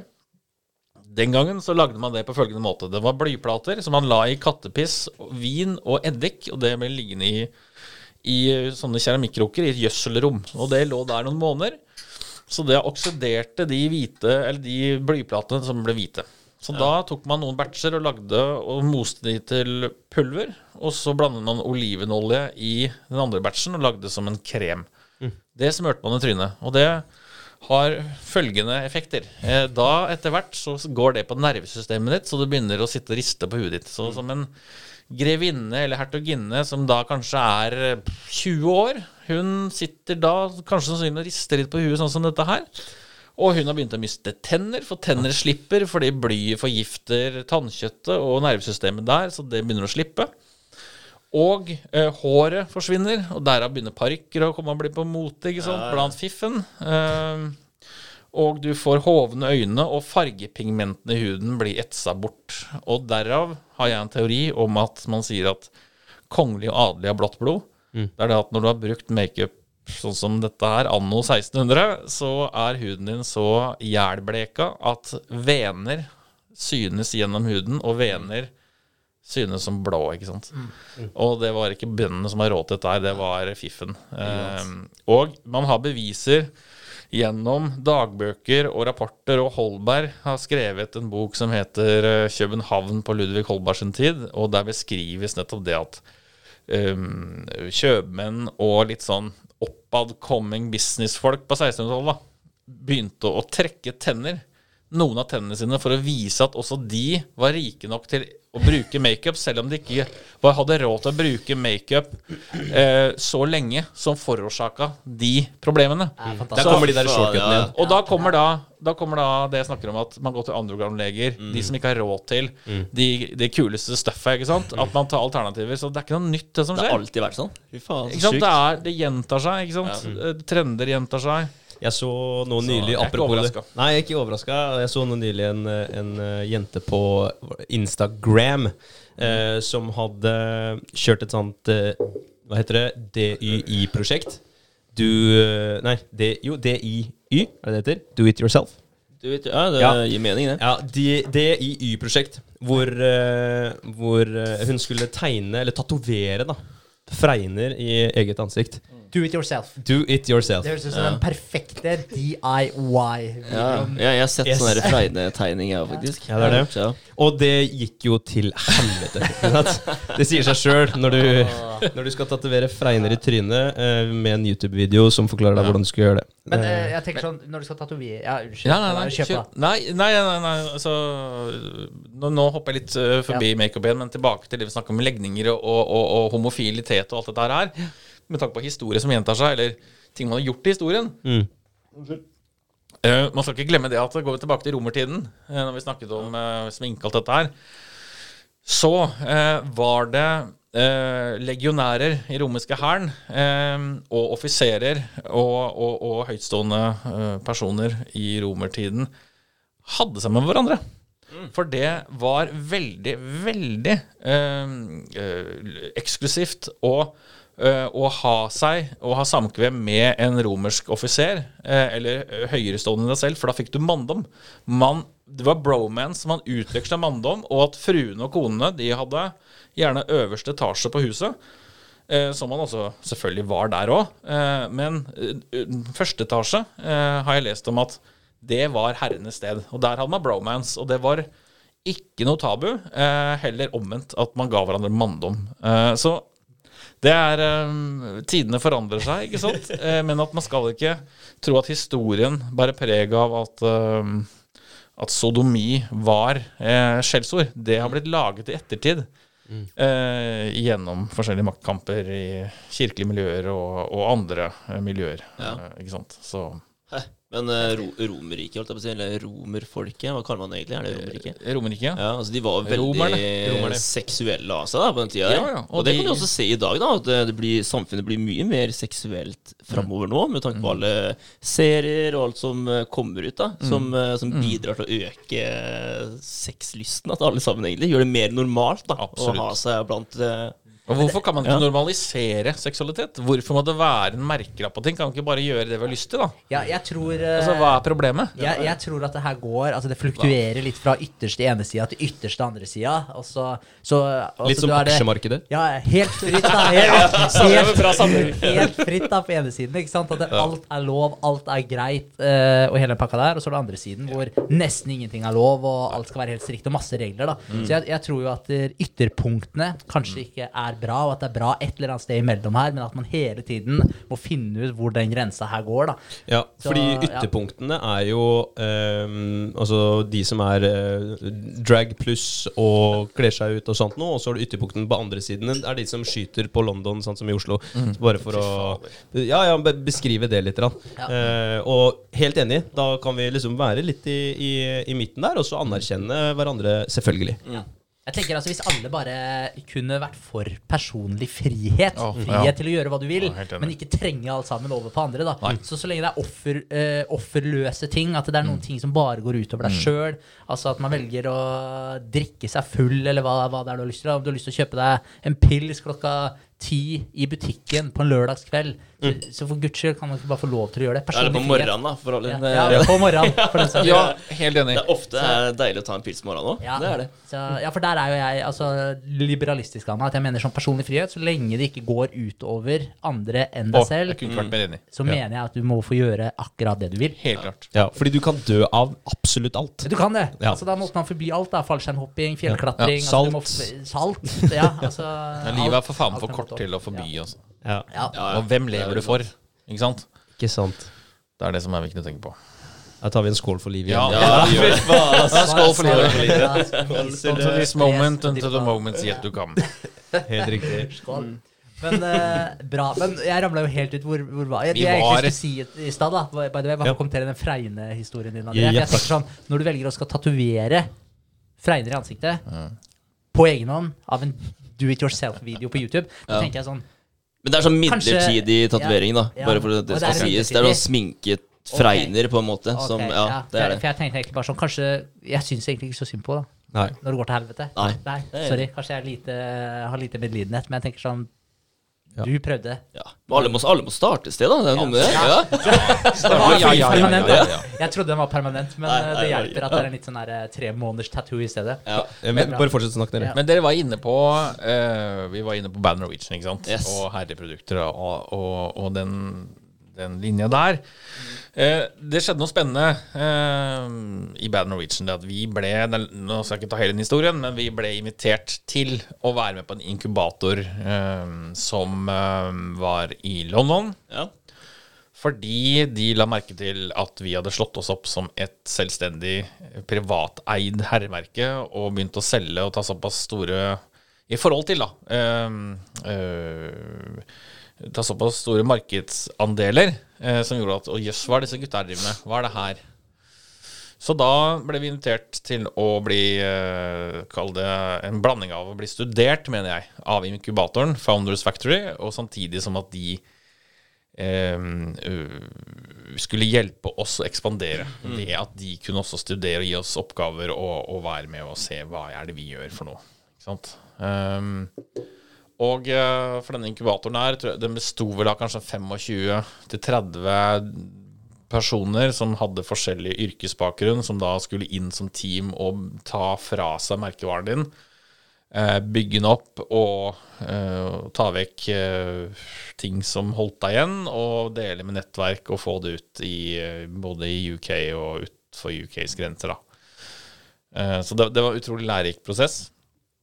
Eh, men eh, Jo, også i, i, i inkubatorer da, så er det ofte sånn at de eh, gründerne blir ofte utrolig Å, herregud, nå begynner vi å selge. Eh, wow, wow, wow. Eh, og da tilbyr inkubatoren seg å kjøpe opp businessen din, og da er det mange som selger yes, pang, og det Eh, og det tjener jo inkubatorene veldig på. Så jeg sa jo tidlig at jeg selger ingenting. Men eh, de var så interessert i å ha oss dit, så, så vi, vi Eller vi eh, Da dro vi dit, da. Så da fikk vi oss en leilighet der, i, i Cromwell Street, mener jeg det var. Som er gangavstand fra Kensington High Street. Eh, men det som jeg skal fram til Jeg har så forbanna lange innledninger! Det er helt Ja, jeg jeg syns fortsatt det er spennende å sitte og høre på. Så. jævlig. Men det første som ble vist oss, det var en, altså, det var en fantastisk kvinne som da hadde fått ansvaret for å vise oss nye ankomne fra Norge rundt.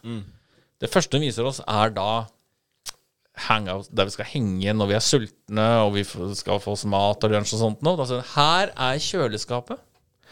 Det var fullt i randen med champagne, hvitvin, rødvin og øl. Dere bare henter hva dere vil, det er gratis. Dere drikker så mye dere vil. Vær så god. Uh, og det gjaldt alle. Hele tida? Ja ja, fra morgen til kveld. Det, var, det ble fylt på hele tida, det. Eh, og det var to our disposal. Og eh, i den inkubatoren så blir det jo skapt verdier. Det blir skapt selskaper. Det blir gjort en jobb. Eh, morgen som kveld. Det var alltid åpent. Det er jo aldri stengt, for du hadde jo et nøkkelkort, ikke sant. Og da kom jeg frem til det jeg skal ta et oppgjør med.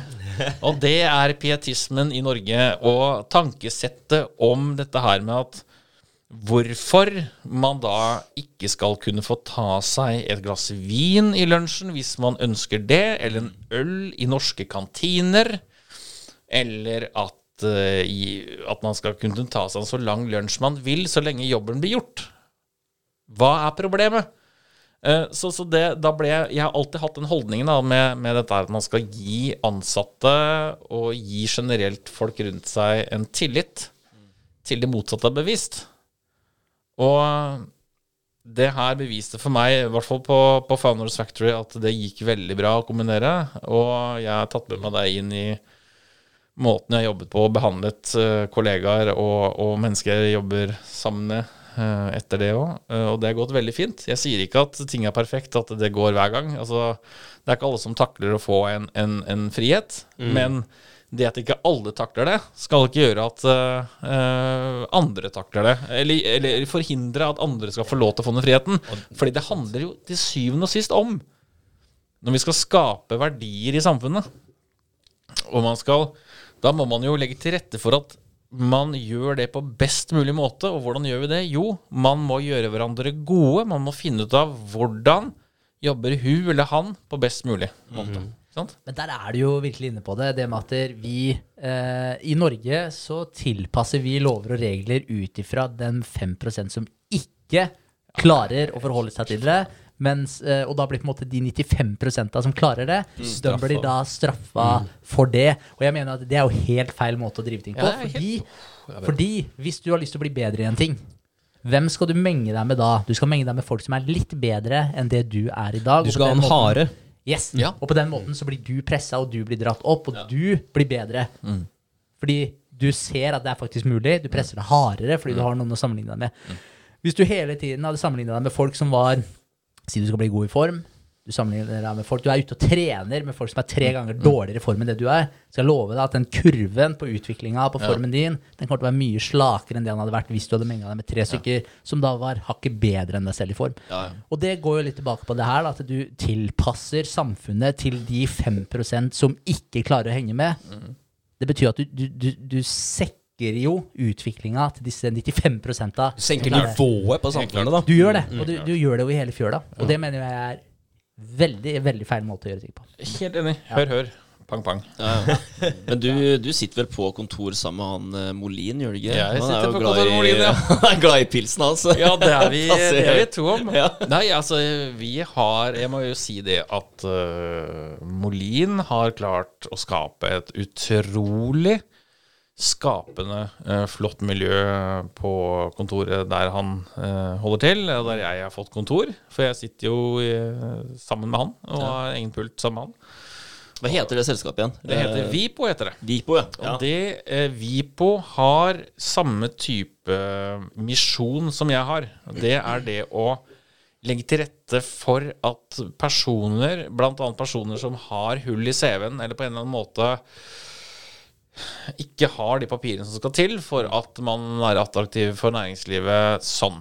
Ehm, så de driver og skreddersyr uh, video-CV-er. Eh, nå, skal, nå skal ikke jeg gå for dypt inn i det så ikke jeg sier noe feil, så folk får egentlig google Vipo. Ehm, eh, men vi har samme filosofi om at vi skal eh, at, eh, at det, finnes så, det finnes så mye ubrukte ressurspersoner der ute som aldri kommer til torgs pga.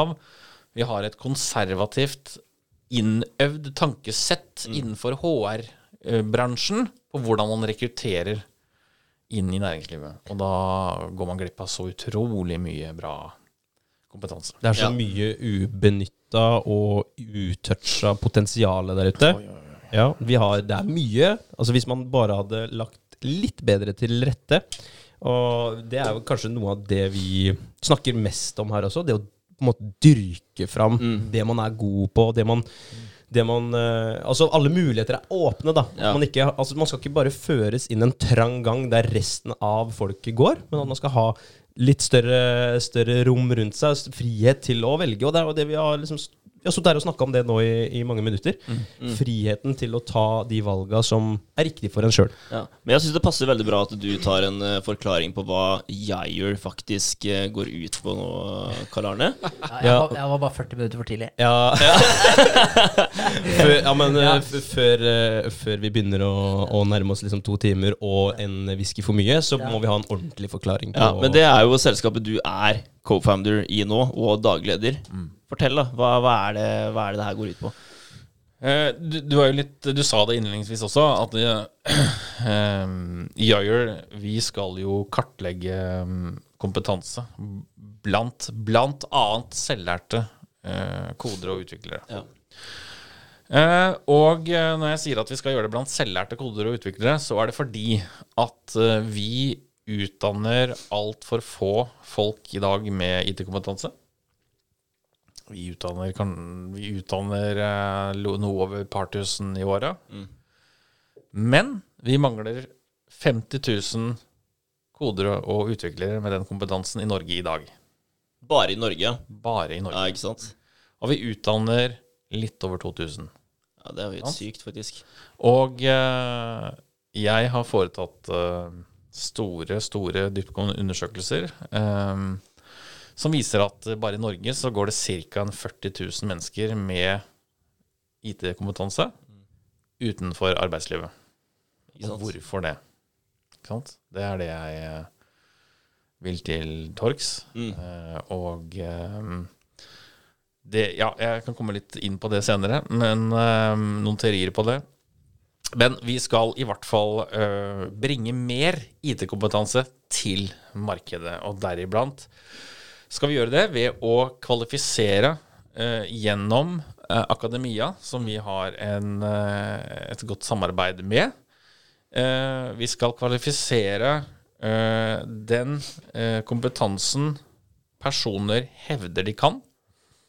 Kvalifisere den. Vise det for næringslivet, som gjør at det blir trygt enkelt og raskt for næringslivet å si at å, dægeren, ja, man har ikke papirene i orden, men uh, Mm. kan jo kode og Ja. kan jo gjøre en jobb. Det er det ene. Ja. Jeg vil bare si at eh, jeg syns det er helt uh, genialt. For det er, Du kan tenke deg noen som har gått uh, skolegang da, fordi de måtte finne et eller annet å gjøre, kontra han, uh, han fyren da, som bare elsker det å sitte på data, elsker det å kode. fordi Altså, Han gjør det fordi han liker det, kontra det at han faktisk bare måtte finne seg et eller annet å drive med for å få seg en jobb. Ja, og det er ja. Nei, så jeg tenker jo at det, er den personen du faktisk har lyst til å benytte deg av. da. Man får bare ikke jobb fordi han ikke har tatt en utdannelse. Man er jo, han er kanskje mye bedre da enn den, uh, enn den fyren eller jenta da, som faktisk gikk uh, IT-utdannelse Ja, på er, skolen. da. ja, det er du rett i. Det er ikke Ja. kanskje engang. Det Nei, mest sannsynlig. Mange av de sannsynligvis er mye bedre, Mm. fordi at de som har utdannelse fra jenterom og gutteromsuniversitetet, de eh, Jeg vil sette en tag på det, at de ikke er koder og utviklere. De er problemløsere. Mm. De løser et problem innenfor den sektoren. De vet hvordan de skal løse en utfordring, og, og de har virkemidlene i seg. Og de har kontaktnettverket, og de har oversikt over alle de stedene de kan google, besøke, snakke med for å løse et problem for arbeidsgiver. Og det er problemløsere vi trenger i den bransjen her. Og eh, jeg ønsker på en måte å få eh, jeg ønsker å få vekk den, det begrepet litt at du er, du er en koder eller utvikler. Jeg ønsker å, å benevne de som problemløsere. For, for de er utrolig viktige. Den kompetansen er vital for oss i samfunnet i dag. Og ikke minst i det grønne skiftet vi skal inn i. Og, og, og, og hvor vi skal inn i verden, så trenger vi digital kompetanse. Ja, det er jo den veien det går. Noensinne. Ja. Det er klart det. Og, når jeg da ser at det er så mange mennesker som går utenfor arbeidslivet og har den kompetansen, og de går utenfor arbeidslivet på grunn av, igjen, som jeg har vært inne på tidligere, at vi har den innlærte, konservative tankesettet på rekruttering, CV, hull i CV-en, vekk. Mm. sant? At man kommer ikke til torgs. Fordi hvis, Se for deg selv, da. Hvis du er på toppen av konsernet. Du er da faen meg aldri i kontakt med arbeidssøkeren. Det er HR, det, som er der. Ikke sant? Så du vil, du vil ha de beste folka i din organisasjon. Men, men sånn er det nå at du har, en øverste direktør har veldig mye store linjer å holde kontakt med, som man dessverre ikke har muligheten å gå ned og micromanagementet i det segmentet, som man kanskje burde ha gjort der vi er i dag. Fordi vi har ikke de løsningene ennå. Men bare vent til jeg er oppe og går. Da har vi de løsningene. Men tenk deg så frustrerende, eller så skremmende egentlig, at du har en HR-avdeling som eh, er mennesker. Og mennesker har sine feil og mangler. Vi har våre dager der vi er nedfor, og vi er oppe. Og vi har vårt tankesett på individuelle tankesett på eh, hva man blir sjarmert av av førsteinntrykk og ikke. Så man har veldig, et, et, en menneskelig HR er veldig påvirka av ytre faktorer og menneskelige feil og mangler. På skolen så snakka man mye om det som heter trynefaktor. Ja, ja, Og da, og da snakker vi om kanskje mye av det samme. høyst tilstedeværende. Ikke sant? Og da kan vi snakke litt om hvor kjapt man danner seg et uh, førsteinntrykk. Er det ikke sånn typ uh, ett til fem sekunder? Sikkert ikke det engang. Nei, Nei, det er sånn uh, halvt sekund. Ja. Så ok, han er den typen.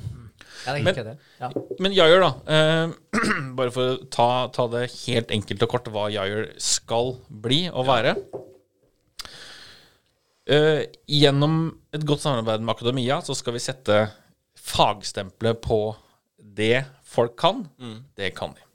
Det er ikke en vilkårlig test som ligger på Google eller et sted som du kan teste kunnskapen din. Det skal være et akademiastempel på det.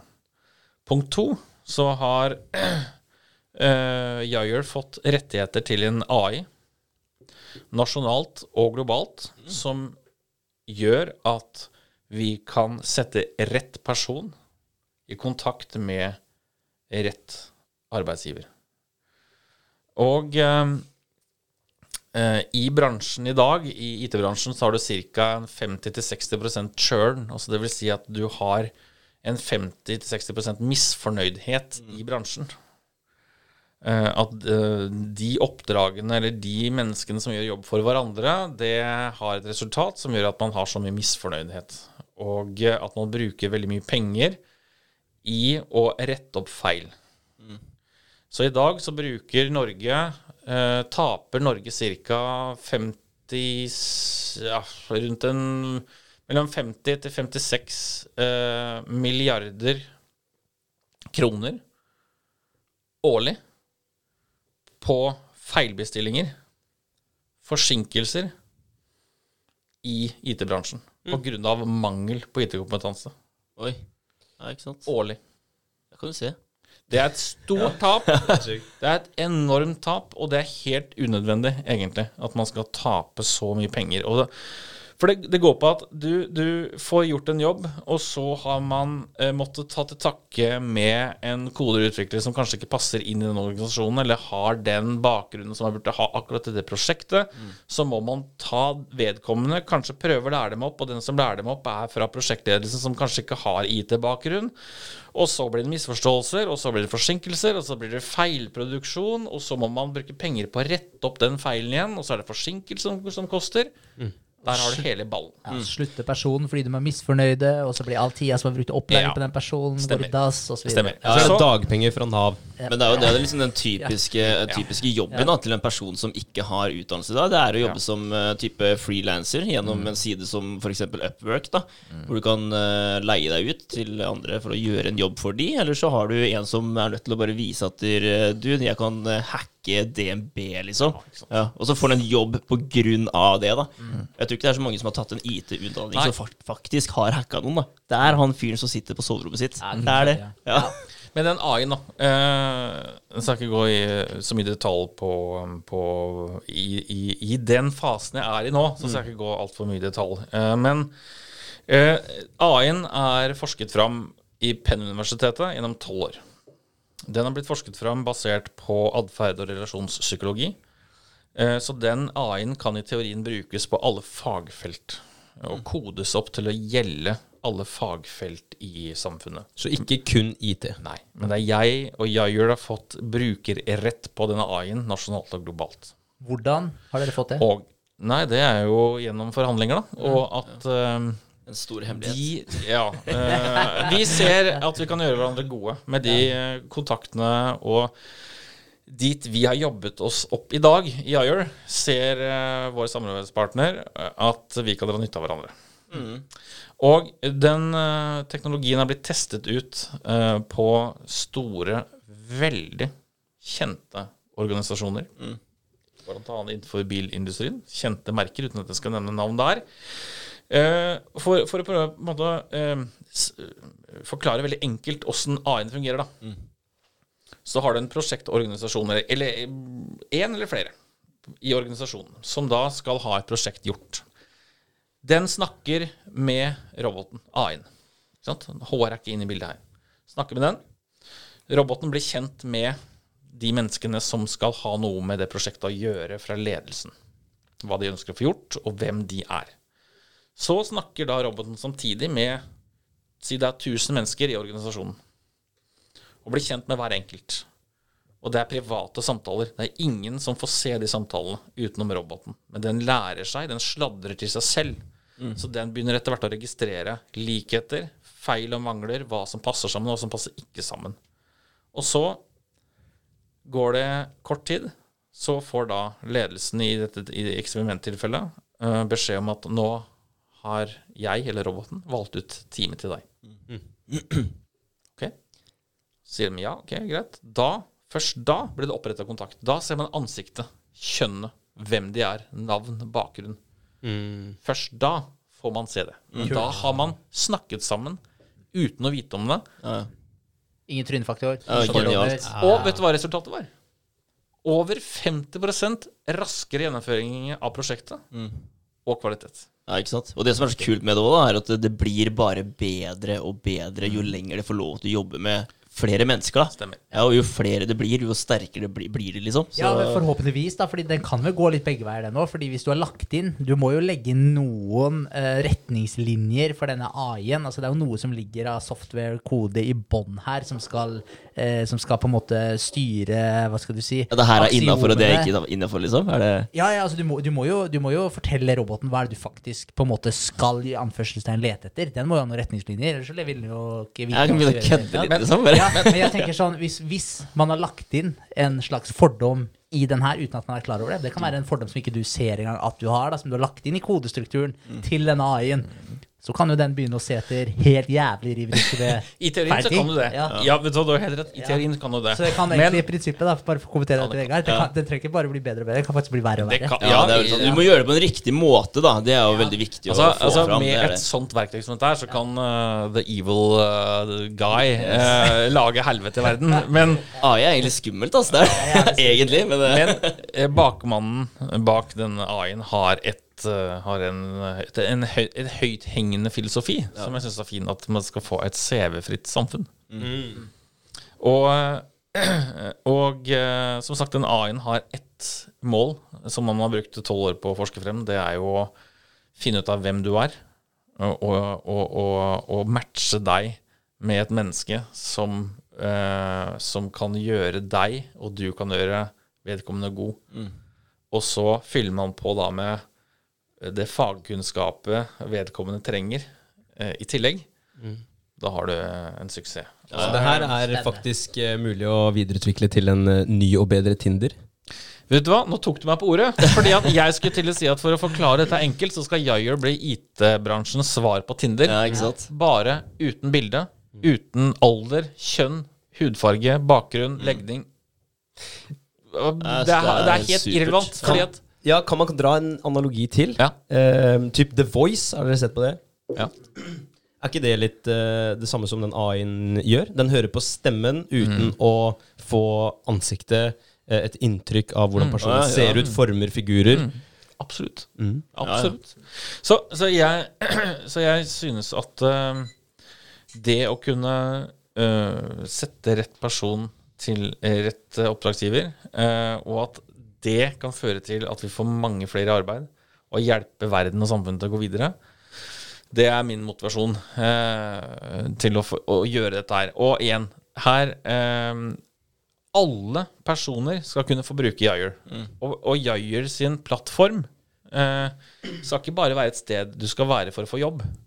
Yayer-plattformen skal være et sted du vil henge. Det skal være en kompis som er med deg, som hele tiden snakker privat med deg, den A-en, som har et mål om å lære seg å kjenne deg mer og mer og mer. og mer. Den skal snakke om hvor vil du i verden? Hva er dine mål? Hvilke hobbyer har du? Har du kanskje en gaminghobby eller sjakkhobby, så skal den etter hvert utfordre deg på sjakk eller World of Warcraft. Den skal kunne spille med deg.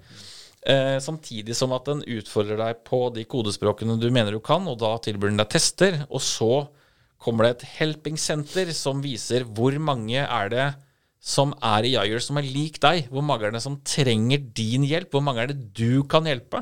Og så kommer det da i checkout-boks, der kommer det da meldinger for hvem som vil ha kontakt med deg.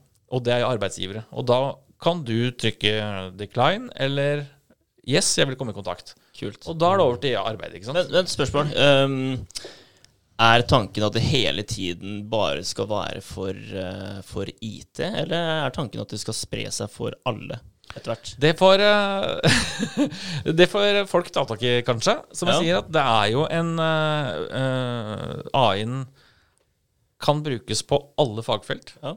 Uh, jeg kommer til uh, i første fase nå eh, å, å bruke den på IT, for dette er det Norge og verden trenger. Eh, det er et enormt behov for IT-kompetanse. Det er enorm misfornøydhet med IT-kompetansen. Eller eh, leverandørene som er på markedet i dag. Mm.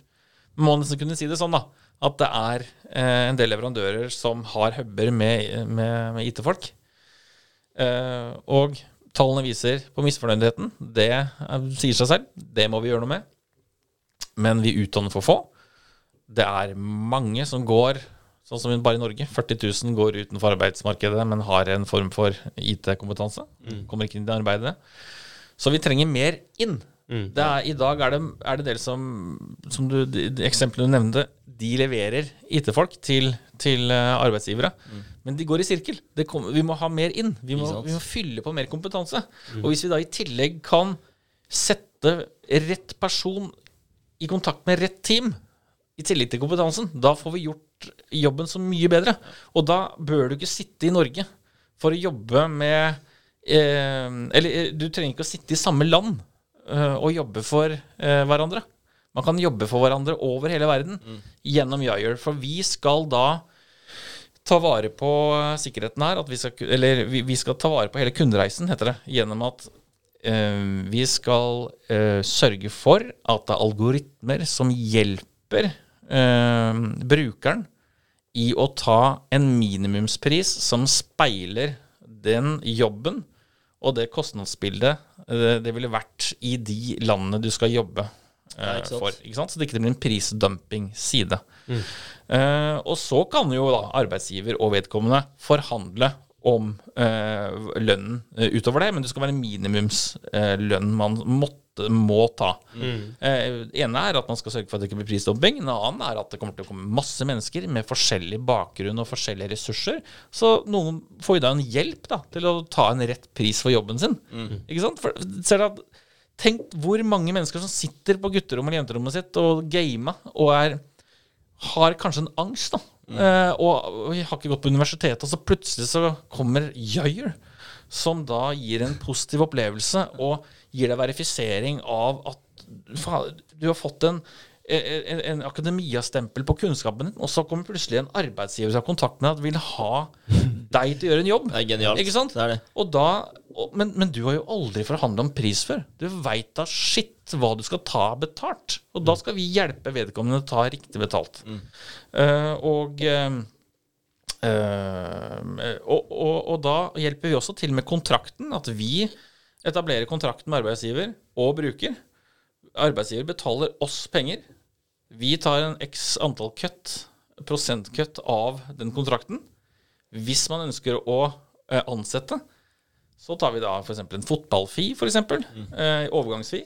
Eh, og derav er det vår forretningsmodell. da. Pluss at Jayer kommer til å etablere vanvittig mye aggregert data Ja, ja. som folk er interessert i å få tak i. Føler du at eh, pandemien har vært med på å gjøre det her eh, Enda mer hot. Ja, det, jo, det at der, han faktisk kan sitte på gutterommet da, og få en jobb fra arbeidsgiveren. ikke sant? Absolutt. For det, det, å, det å sitte over Teams og alt det greiene her har blitt så vanlig etter pandemien. Altså jeg føler at det har kanskje vært med på å faktisk gjøre det her til en mulig måte å få det til å fungere på. da. Jeg snakket nå med veldig mange mennesker, eh, og, og, og, av den yngre generasjon, som eh, synes at det er viktig, mer og mer viktig, eh, at hvis man skal se for seg å være motivert til å stå seks til ti år i en jobb, hva det var altså, Interessante spørsmål. Hva skal til for at den yngre generasjonen i dag skal se for seg å stå seks til ti år i en jobb? På samme sted. Og det går på det vi snakket om tidligere i dag, tillit. At det man har en, en, en, en utgangspunkt, en, en frihet og en tillit, og at man da eh, Sånn snakker jeg for IT-sektoren, at man nødvendigvis ikke må møte på kontoret hver dag, eh, kontra eh, dagligformen, eller at eh, man ikke måtte møte på, på kontoret, gå på lunsjen, snakke om hva gjorde man i fylla dag, uh, sist helg, og gå og jobbe igjen. Den samme, sånn som veldig mange i dag i kontorlivet, i arbeidslivet, går gjennom. da, Ukedagen, helgen, lunsjene, bla, bla, bla, bla. Um, fordi det er veldig, veldig mange og dette her er undersøkelser eh, som US Labour, Forbes, GitHub eller um, Stack Overflow tydelig viser. Det er at det er eh, i IT-sektoren så er det mange mennesker som har en eller annen form for um, Jeg skal ikke si sykdom, da, men en, en, ikke et issue, men dere forstår kanskje hva jeg mener? At en, en form for angst, sosial angst. Mm. Sittet litt for lenge på gutterommet, rett og slett. Det er kanskje ikke de som har sosialisert seg aller Nei, mest. Nei, men, og, men, men, Ja. men de, vi, vi trenger De er en utrolig viktig ressurs. Mm. Og, jeg, og, er, og jeg mener at det er en så unødvendig stigma Mm.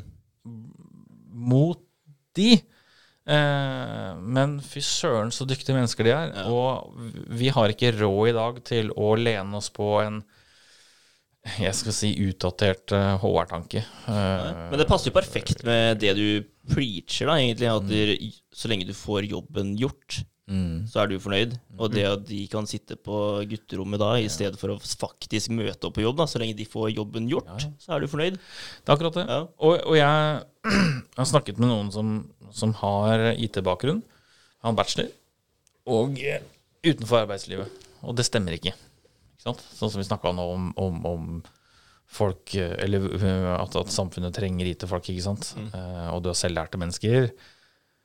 Men så kom jeg plutselig i kontakt med noen som har utdannelse. Han en bachelor. Hvorfor er ikke du jobb? Nei, du skjønner det at eh, jeg fikk eh, ganske dårlige karakterer i matematikk i bacheloren. Jeg, jeg, jeg, hva, sa du, hva sa du nå? Datamaskinen Nei, har men kalkulator. Altså, som en, som en, jeg har jo ikke gått IT-teknologi og, og informatikk. Jeg er jo ikke en IT-mann sånn sett. Jeg er en markedsmann. Jeg blir drevet av hjertet ved å løse et problem, og jeg vil forandre eh, Jeg vil forandre et innarbeida system i markedet som gjør at vi kan få flere folk i arbeid. Det er det jeg vil. Uh, men, og derfor spurte jeg sikkert vedkommende litt dumme spørsmål, men jeg fikk en veldig spennende svar. Uh, og da spurte jeg, men trenger du kjempegod karakter i matematikk for å gjøre vedlikeholdsjobber og gjøre kodejobber, være en, en, en koder eh, og utvikler i et selskap, da? Nei. Nei. Ok, men jeg, jeg skjønner det, sa jeg. At, kanskje man trenger en form for matematisk forståelse og prosjektledelseforståelse. Skal du være IT-ingeniør og være prosjektleder, det er noe greit. Men man trenger soldatene i felt, for å si det, for å bruke mannen min sin, eh, sin, sin bakgrunn i militæret. Altså, man trenger soldater, ikke sant? Uh, så uh, nei, sa vedkommende. Men, ha, men, men, men vedkommende slipper ikke gjennom HR, fordi karakterene blir sett på. Mm. Han kommer ikke i jobb. Nei, ikke sant? Det som er Og det er helt for Jeg skal ikke si Ja, men det er, jeg blir så forbanna. Det sier jeg som doktor Persille. Jeg blir så forbanna når jeg snakker om dette her. For det er vi, vi trenger dem jo. Ja. Det, det, som er, eh, det som er trist, da, det jeg syns er trist også med den der konvensjonelle skolegangen, det er at du blir eh, dømt og du blir satt karakter på ut ifra kanskje si ti til tolv forskjellige kategorier som, eh, som du da skal få en karakter på, og så eh, er det kanskje to av disse kategoriene som virkelig er nødvendige for den jobben som du søker senere. Men så kan det være en, en av de åtte andre her som er med og stikker kjepper i hjula for deg. Og det, og det syns jeg er så utrolig kult, det du gjør med firmaet ditt. fordi det du, det du gjør, er jo å egentlig ta eh, arbeidsgiver vekk fra det her med at du må ha en grad for å kunne Altså du må være eh, bra på alle disse ti til tolv punktene, uavhengig av hvor relevante de er i forhold til eh, arbeidsoppgaven som du skal inn i. Eh, og da du er med da faktisk og tar eh, Styrer HR bort fra det mønsteret her, styrer arbeidsgiver bort fra det mønsteret her. Jeg syns det er utrolig bra. For uh, jeg kan si for min egen del også, jeg er utdannet ingeniør. Så jeg har tatt en ingeniørgrad. Men jeg, jeg kødder ikke når jeg sier at det er ingenting, ingenting som jeg har lært på ingeniørstudiet mitt, både under bachelor og masteren, for jeg har faktisk en mastergrad da, uh, som ingeniør. Det er ingenting av det som jeg bruker i dag. Ja, men det er, jeg lover dere, altså. Det er ingenting ja, ingenting som jeg bruker i dag. Og det er, eh, og det er, jo, faen det er jo helt sinnssykt. Det er helt sinnssykt. Jeg har gått da fire år, for jeg tok en sånn ettårig master i Skottland. Så i utgangspunktet en femårig utdanning, da. Og det er ikke for å skryte, jeg sier det. Altså den ett år i Skottland, du har ikke sommerferie, så det er delt opp i tre semestre. Det er ikke så hardcore. Masterstudier i Norge de er lagt opp så du skal kunne jobbe ved siden av. Bare, så, bare, så det bare for å legge den uh, død med en gang. Eh, så da uh, fire år master, og, og når jeg da kommer ut i arbeidslivet og merker at der, jeg, har gått, jeg, jeg har egentlig gått fire år på skole bare for å få en tittel som da gjør at jeg får en jobb. Og det Det Det jeg er for jævlig! Ja, det er det. det er Sorry. Ja. Blekk på papir. Ja, men da kommer jo det store problemet her, da. For det er hvordan skulle Nexans, da, som jeg jobber for nå, hvordan skulle Nexans klart å validere skillsa mine uten at jeg hadde denne graden? Og der kommer jo faktisk Yair inn. Ja, i hvert fall når det kommer til IT-sektoren. Det er IT, da, ikke ingeniør. Ja. Enn så lenge. Enn så lenge. Enn så lenge. Jo, men, men har dere tenkt på det? Altså, ok, si da eh, Mange i dag dropper ut av skolen fordi at på, av mange ulike årsaker. Mm. sant? Og det å droppe ut av uh, utdanningen, det gir jo ikke bedre selvtillit. Ikke sant? Og hvis vi tar IT-sektoren isolert sett nå, så uh, viser jo tallene at det er veldig mange som er dropouts, gamer og har dyktige skills innenfor IT og uh, mange ganger bedre enn de som har gått skolene. Fordi at de som sitter og jobber med IT, koder, gamer, er i kontakt med IT-miljøet hele tiden, de er foran akademia. Foran lærerne sine. Fordi det handler om økonomi. ikke sant? Hvordan skal man hele tida ligge foran? Det er jo kappløp, ikke sant? Ja. Uh, men eh, eh, Hvor var jeg hen? Uh, jeg, jeg har så mange analogier, jeg, så jeg ramler ut. Ja. Altså um, jeg tenker at uansett Jo. om du har falt ut fra skolen da Nei, unnskyld, Karl, det var ikke meningen. Jo, nei, nei um, Jo. Hvis dere ser for deg at du ramler ut av skolen, ok, så uh, får du da verifisert kunnskapen din gjennom Jair. Mm, som da har en akademia-stempel på seg. Du kommer i jobb. Ok, så sier arbeidsgiveren din at fy fader, du er, du er dyktig. Det er, og, og de kommuniserer jo selvfølgelig kjempebra sammen fordi at AI-en har jo satt de sammen. Så mentalt så, så er de på samme bølgelengde. Soft skills er jo helt topp. Så sier vedkommende at ja vel, sier arbeidsgiver til, til, til eh, IT-geniet. Du, eh, du Du bør gå inn som prosjektleder, men eh, du burde hatt litt påfyll av prosjektleder, kunnskap og noe økonomi. Se for deg da om akademia hadde klart å stille seg om til å ha en logistikk som henter opp de personene som har vært ute i arbeid, fått deres stempel på kodinga si, eller på kunnskapen sin, og hente opp de og fylt opp de hullene de har for å kunne bli en dyktig prosjektleder uten at de måtte gå seks år og ha en master. Skjønner du? Ja. Tenk deg hva og, og, og her snakker ikke jeg at jeg er fanatiker på at man skal hoppe av skolen. For det er de som ønsker å ha godt av hva er mennesketypen til å gå alle uh, trinnene, for all del. Men det er ikke nok av de. Tallene viser at vi mangler jo 50 000 bare i Norge som kan koding og utvikling. Og hvis du da klarer da at, høy, at skolesystemet klarer å eh, fylle på hullene til de som har eh, de som har fått verifisert kunnskapen sin, da. fylle opp hullene deres gjennom at eh, si at de har fått god selvtillit ved å være i jobb, og så tør de å være på høyskolen plutselig igjen, eller universitetet, eller hvor det måtte være. Sendt av f.eks. arbeidsgiver. Så får du plutselig gode prosjektledere innenfor IT-bransjen som ikke har gått seks år på skolen, Mm. men de er gode problemløsere. Det er veldig Og da gjør vi noe for Norge. Og Norge er én ting. 50 000 mangler vi her. Sverige mangler 100 000. I England mangler vi to millioner utviklere. Helvete. Det er sjukt, det. Ja, det er sjukt. Men det er eh, altså Og det går oppover. Ja. Ja. Ofte handler det om at der, så, så det viktigste er å få en plass å jobbe på. Og det er sånn derre altså, Si du begynner som en utvikler, da, og så skal du bli prosjektleder etterpå. Altså, det viktigste er at han faktisk blir en utvikler i det selskapet der. Altså, det å kunne bli en prosjektleder etterpå, det kan fort bare gå sin gang det, innenfor det selskapet du faktisk er i. For det er veldig mange som bare blir oppgradert da, uten at du faktisk har utdannelsen til å faktisk ha den stillingen du får, da. Men du har kunnskapen og erfaringen til å bli den. Ja, komme, ja, komme til den stillingen du Finne en plass til Yes. det mennesket. Bare finne Ja. en plass, og så kan det mennesket utvikle seg i den plassen.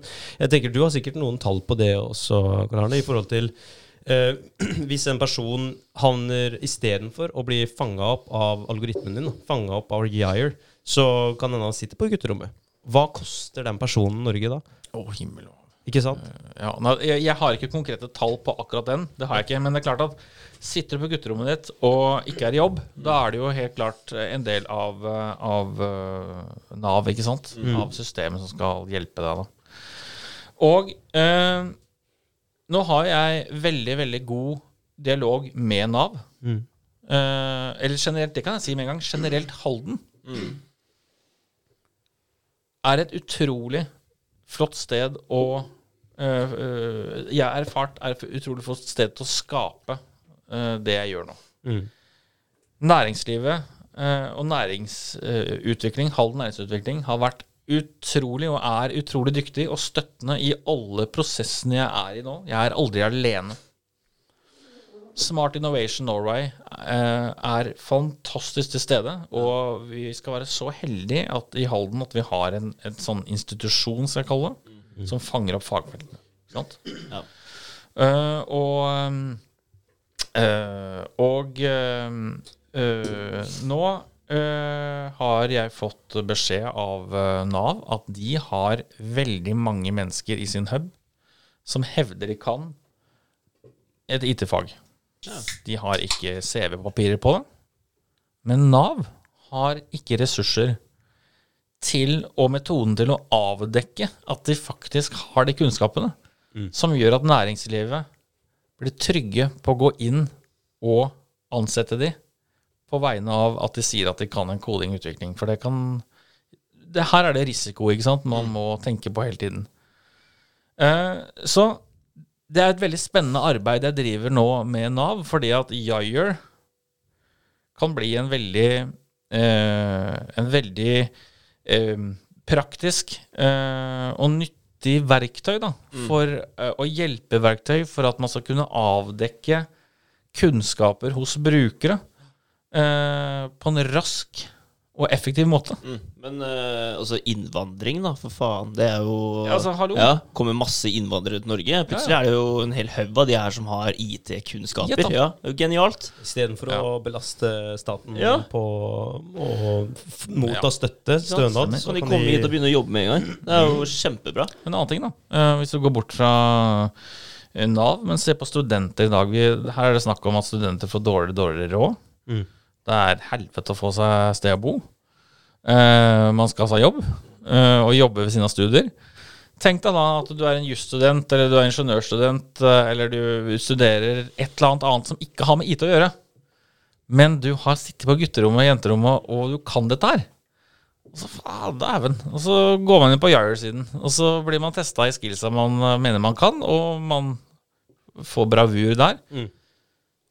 Plutselig så kommer du i kontakt med næringslivet som, som i dag er de er desperate etter kodere. Så kan du være student og studere et fag du vil jobbe med eh, etter at du har fått graden din. Men du kan samtidig jobbe med det du har, har som hobby, da, som koder. Og gjøre noe, en gjerning for samfunnet.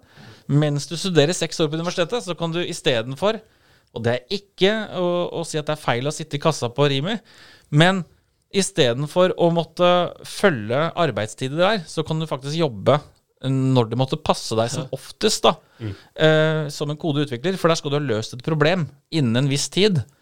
Eh, men du kan sitte hjemme på, på PC-en din og, eller Mac-en din og gjøre den jobben. Ja, Gjøre det akkurat når På det natta Ja, eller på morgenen, men du studerer ved siden av. Og det vil jeg også legge til rette for ikke sant? gjennom Yayer-plattformen. For den øh, Og én ting er verifisering av kunnskap, Mm. men du blir satt i kontakt med rett person. Så når du har blitt kontaktet av en arbeidsgiver, da vet du at du kommer til å kommunisere som F med den personen på en positiv side. Ja, og så jeg skal sjekke ut uh, Jair sjøl, ass. Jeg kan eh, lage hjemmeside. Så dere er jo dere er forplikta til å være det Yayer. Det her ble jo en Neida. kjempekul pitch for, eh, for Jair. Jeg har to, jeg har to spørsmål eh, som jeg har sittet og, og liksom danna meg nå mens du har, eh, har eh, snakket om Jair. Hvis du eh, Du snakket om kannibalisme i stad. Hvis du tenker eh, konkurrenter, kan man altså Nå vet jeg at dere har en eh, spesiell algoritme som ingen andre har, men hvis man tenker da Finn, eh, LinkedIn Og så har vi en kamerat eh, som eh, jobber i et firma som heter VA Works, som også jobber med noe ALA. Hvordan og hva Det er algoritmen som skiller dere mest ut, men har du, har du noen du Har du et uh, konkurransebilde som du kan Mm. dra opp? Ja, altså det er klart at vi har et vindu nå, for det er ingen store aktører som har tatt den posisjonen jeg er i gang med å ta nå. Mm. Det er det ingen som har gjort. Um, så, så vi må jobbe raskt. Men det er ikke noe tvil om at jeg ikke blir den siste som gjør dette her.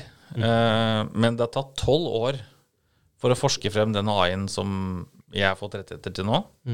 Så det er ingen som bruker den aktivt? Jo, Jo. eh, men ikke innenfor IT-sektoren. Nei. Nei, altså jeg, jeg, Der jeg, du har fått til å rettighetene innenfor IT-sektoren. Ja, ok, for Jeg hadde lyst til å komme tilbake til den. Hvordan du klarte å skaffe deg rettighetene til noe som nå har blitt utvikla i tolv er- år. Som du Ja. sier. det er- Men det er IT. Jeg hadde tenkt å si at er vi, vi tar det her etter på den. jeg tenkt å si. Finne ut hvordan du faktisk fikk de rettighetene. Men, eh, men eh, du må eh, IT-markedet i dag, det er enormt. Mm. Det er en enorm sandkasse. Mange kan leke uten å kannibalisere på hverandre. Eh, nå skal vi se. Uh, ba, bare i Europa så er det rundt en ti millioner mennesker som går utenfor arbeidslivet, men har kodebakgrunn. Som har kompetanse. som har kompetanse, som trenger å komme i jobb. Det er ti millioner mennesker. Uh, i, uh, I dag så mangler vi globalt sett eh, 40, mellom 40 til 45 millioner koder og utviklere globalt. Og i 2030 så kommer vi til å mangle 85 millioner koderutviklere. Og det er statistikk fra Statista, US Labors, Forbes. Det er vilt. Det går sånn. Eh, og Norge, ja, vi mangler 50 000 i Norge, men globalt kommer vi til å mangle 2030, eh, som jeg sa, rundt 80-85 millioner kodere. Og det er enormt marked eh, som flere kan leke i. Eh, så konkurransebildet Ja, det er flere som uh, gjør noe av det samme som meg, med det er veldig fragmentert, markedet i dag. Eh, det er noen som driver med auto, autonom utleie, eh, og noen som driver med testing. Men det er veldig manuelle prosesser. Det er ingen som har Ingen som gjør dette her gjennom en skalerbar plattform med en AI. Det er den skalerbare eh, fordelen som vi har fått rettigheter til, som eh, skiller oss ut sånn som det er nå. Da. Fett. Ja, det er helt rått. Ja, men jeg, jeg, jeg skjønte ikke helt det. Kan du ta den en gang? Altså auton, autonom testing Ja, altså, og altså det vil si eh, automatisert at, at, at, eh, at eh, du har eh, forskjellige typer av selskaper som da tester eh, personer. Og så har du da selskaper som da leier ut personer. Ja, ok. Men Og så har du noen selskaper som gjør kombinerer det litt. Mm. Eh, mange av de selskapene som, som eh, tester i dag og leier ut, der er det sånn at eh, du må vise til at du har fagbrev eller har utdannelse. Mm. Eller så må du Uh, gå gjennom et kurs der bøkene koster flere tusen kroner. Du må ha telefonintervjuer for å se om du passer inn i deres hub av mennesker. Og du vet at de som har sittet på gutterom- og jenteromsuniversitetet, ramler ut av skolen, de passer ikke inn i å ha telefonintervjuer og, og, og få hele seg sett på. At ja, hvem er du? Passer du inn hos oss, da? Ikke sant? Og så er det da mye selvtekt. Altså at man stoler på Det er, det er sånn som LinkedIn. Du kan skrive hva faen du vil på LinkedIn. Ikke sant? Det er ingen som sjekker opp det. Ne. Mens vi eh, skal ha en akademia tyngde på testene våre, ikke en test som er laget av et selskap.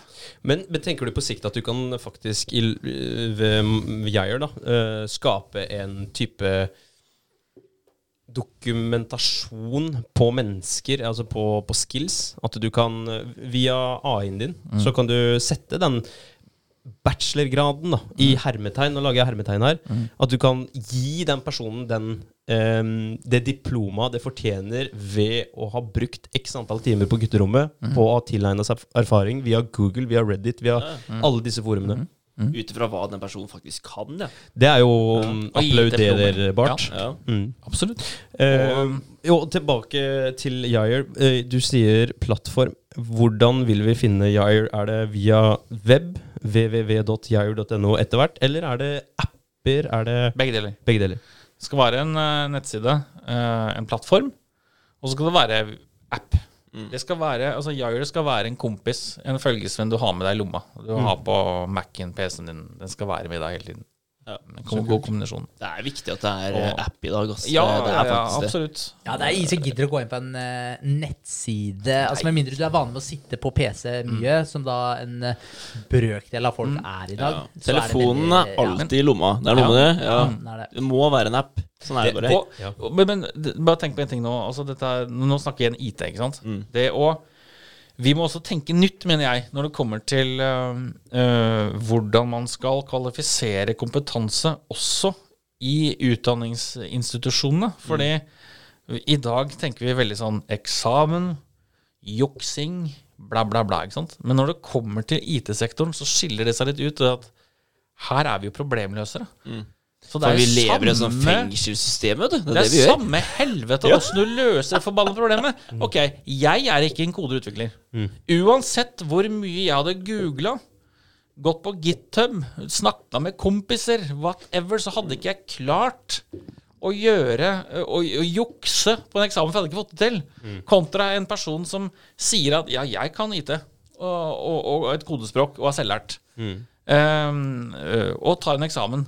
Eh, eller at man eh, ja, altså Det skal frem til da, at på Kan man se for seg at i fremtiden at eksamenene innenfor dette faget her kan bli utforma på den måten at man kan bruke hvilke hjelpemidler man vil? Du lov, Fordi at, du har egentlig lov å jukse, med andre ord. Fordi da løser du faktisk for problemet. har du løst Ja, du problemet. Det er raskeste Ja, vei til mål. Ja, altså, Jævlig da, smart, da er fikk jeg akkurat en sånn der åpenbaring Ja. når du sa det her. Fordi jeg har alltid tenkt på juksing. Ja, nei, det er fy-fy. Men, men det er sånn nei, Du er jo lur. Nei, men, ja, du, du, du fant jo bare hjelpemidler som gjorde at du faktisk løste problemet. Ja, for- det eneste vi må, vi må passe på, det er at det er jo autentisering. At det er du Som har gjort det. har Ja, det er klart. Det er klart. Sant? Men der har vi jo, der har vi jo blockchain, du har ansikt, irisavlesninger altså Alt dette her kan fikse det. Men jeg vil at vi skal komme dit at vi skal kalle de unike menneskene som er i IT-bransjen, for problemløsere.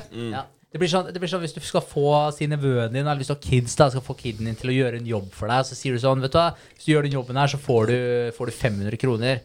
Og så går den uh, kiden og finner en eller annen kid i nabolaget, så sier han, eh, du, unnskyld meg, hvis du har du lyst på 200 kroner, eller? Hvis du, hvis du gjør det greiene her, så skal du få 200 kroner. Ja, men da er det jo Ja, men det er jo genialt, da. Ja. Nettopp. Og så hvis du gjør det der på skolen, så da har du juksa. Fordi du har ikke fulgt uh, oppgaven fra A til Å sånn som du skulle gjøre. Så da får du egentlig straff da for å være litt lur. Men der hadde du businessmannen, ikke sant? Ja. Der hadde du det eksempelet. Der kunne du Ja. dyrka den businessmannen. Yes. Gjør det der igjen, gutten min. Ja. Så, så ja, jeg, jeg ser poenget ditt, eh, Karl Arne, til de grader. Altså du, som sagt, du ga meg en åpenbaring her. Så hyggelig. kult, det var kult. Så hyggelig at en 40-åring kan gi uh, unge folk åpenbaringer. Nei, ja, men altså, Jo eldre du blir, forhåpentligvis, jo mer visdom Ja. har du Ja, dratt inn i systemet ditt, og jo mer kan du påvirke utover på en positiv måte. Men nå har du snakka mye om, om Yair, og vi har blitt kjent med Yair, og det, er, eh, det virker å være veldig spennende. Hvor skal Yair? Så har du satt deg, eller dere, noen mål, Ja, delmål? hvor kan du si deg fornøyd, egentlig? Aldri. Nei, ikke Nei. Men om, eh, om eh, Hvis vi ser på markedet, og vi ser på eh, selskaper som Og jeg skal ikke kalle det konkurrenter, for vi, det skal jeg ikke gjøre. Men vi ser på selskaper som gjør noe av det samme som oss, men mange manuelle prosesser. Da. Vi skal jo heldigitalisere og skalere prosessene våre. Men hvis jeg sammenligner med eh, veksttallene de har fra oppstartsfasen sin eh, fem år tilbake i tid, så uh, dette virker veldig høye tall for de som ikke kjenner og har satt seg inn i IT-markedet.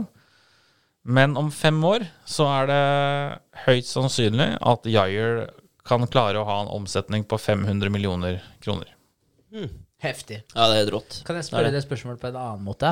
Hvis du spoler 40 år fram, da, når du er 80 år gammel, Karl det. ja, altså, Det er jo dritlenge til. Da. Altså, du har levd et langt liv allerede. 40 år til. Tenker at det er, eh, det er bra, det. Ja, dit må du. Ja, Skal vi til 100, eller? Ja, jeg, Da- da håper, du jeg, jeg håper jo det. Jeg, jeg lever jo et lykkelig liv med mannen min, så jeg, jeg, lykken er jo veldig stor. Så jeg, jeg, Det spørs jeg har det hvor fint. hardt det går for seg på disse barokkfestene dine. hvor hyppig det blir. Nei da. Men, uh, men eh, hvis du ser 40 år fram i tid, da. Hvor, hvordan gikk det med Jair? Hvordan gikk det med Karl Arne? Om, vet du hva? Da mener jeg Jair er eh, hva, skal jeg bruke? Kan jeg bruke ordet som Ja. er som en bransjestandard? At eh, alle som er i IT-sektoren, IT-bransjen, har vært eller er en del av Jair. At, eh, Har hatt et forhold til Jair. Ja, altså Er du i IT-sektoren, så har du en eller annen form for connection med Jair. Mm. Og du sitter i et uh, slott fra 1700-tallet, ikke sant? Med Som jeg kan invitere masse mennesker på fest. Og alle dykker har, vet Vi du hva jeg har som drøm, folkens? Eh, Jeg har en drøm om at når Jair er der oppe og det å kunne invitere eh, alle brukerne som ønsker det, som er en del av Jair-plattformen, til en megaparty eh, en gang, eller Barokkstyle, eller? Eh, eller annethvert år eller et eller annet, og ha en kjempehappening. Litt sånn som Google og, og, og, og Mac og hele gjengen der. ikke sant? Altså Har svære happenings der man hyller eh, fagpersonene eh, som, som gjør noe for verden. Fordi Må- igjen, vi trenger IT. Du må invitere også, da. Det er viktig. Ja, ja, Absolutt. vi, Gode vi blir med. venner inviterer vi. Vi alltid. Ressurspersoner inviterer vi Det er, eh, det er jævlig bra. Men ser du for deg da til syvende og sist, altså, altså driver du Jair til the bitter end, eller ser du for deg en svær exit når du på en måte er fornøyd med det du har klart å utrette der? Skal du da overlate babyen din til eh, noen andre? Hva, hva ser du for deg? Har du tenkt så langt? Jeg vet i hvert fall at um, jeg blir drevet av å hjelpe andre. Det, det har alltid vært eh, noe i meg, uansett hvilken sektor eller fag, eh, hva det måtte være, så har jeg alltid blitt drevet av å hjelpe folk. Fordi selv eh, har jeg følt på det å være, være i situasjoner der jeg er hjelpeløs og ikke eh, strekke til. Og jeg har et veldig hjerte for eh, personer som ja, så, som har havna litt på skeive i den firkanten vi skal trykkes ned i i samfunnet. da. Man velger ikke sin bakgrunn, man velger ikke oppkommet sitt, dessverre. Og jeg blir, jeg blir drevet av å hjelpe folk. Ja. Det, og om eh, jeg blir såpass gammel eh, Eller når jeg blir såpass gammel, kan vi Når, si da. Og, og, og, og jeg har muligheten til å kunne bruke Jair-suksessen til å hjelpe folk i andre sektorer, så kommer jeg til å gjøre det. Det kommer nok til å bli min livs Eller er min livsmantra, det å hjelpe mennesker. Det er ganske Ja. tydelig ut ifra det vi har hørt i dag om, om Jair, at det skal, det skal få folk i sving og, og hjelpe flest mulig. Helt klart. Helt klart. Men uh, ja, nå har vi faktisk uh, snakka utrolig lenge. Tiden eh, flyr her. Det gjør kanskje en av de eh, lengste episodene vi har hatt uh, hittil. Jeg tror tror Ja. kanskje du slo frimurerepisoden, Karl Arne. Oi, shit. Ja, den har fått uh, mye positive tilbakemeldinger og et uh, par hårreisende negative. Det er ikke dårlig. Men, ja. så det er Ja. Du, du er jo en frimurer selv. vet du hva? Ja, Når det kommer til negativ tilbakemelding ja. Ja. Jo, men hør nå her. Jeg har en definisjon på det å være et ekte menneske. Mm. Som jeg har ofte sagt til Jeg, si, jeg har lært igjen av en veldig, veldig god kompis, eh, som igjen har sagt til meg når jeg har hatt et problem med å takle dårlige tilbakemeldinger, blitt nedbrutt av det, eh, så sier han til meg at eh, vet du hva, du skal ta det å få dårlige tilbakemeldinger, eller noe som, som, som bryr seg, som irriterer deg, som positivt, fordi at da betyr du noe for dem. Fordi at hvis du er et ekte menneske, så er du likt av mange, elsket av noen og hatet av få. Hvis du likes av alle, da vender du kappen med vinden. Da står du ikke for noe. For hvis du står for en mening, da er det noen som må hate deg for det. Ja. Noen må elske deg for det, og noen liker det. Så du skal ta det som et jævla kompliment at det er noen som ikke tåler trynet ditt for det du driver med. Fordi da gjør du en forskjell. Så, så, så ta det innover deg hvis det er noe du syns er vanskelig fordi noen er irritert på deg, forbanna på deg. Tenk gjennom hvorfor er de det. Jaha, kult. Vær fornøyd med det. Det er veldig viktig, altså. Ja, veldig, veldig godt poeng. Ja, Jeg veldig må- bra. Det var det. Det er Men, eh, fantastisk å avslutte på. det er det! Perfekt. Hæ? Ja. Hvis ikke du har noe helt til slutt, Jo, da. Det jeg har det. Ja. Ja, jeg det har veldig viktig. Ja. Nå, har vi, nå, for det, nå har vi snakket om gründerskap. Og det å skape, ikke sant. Da står du ikke alene.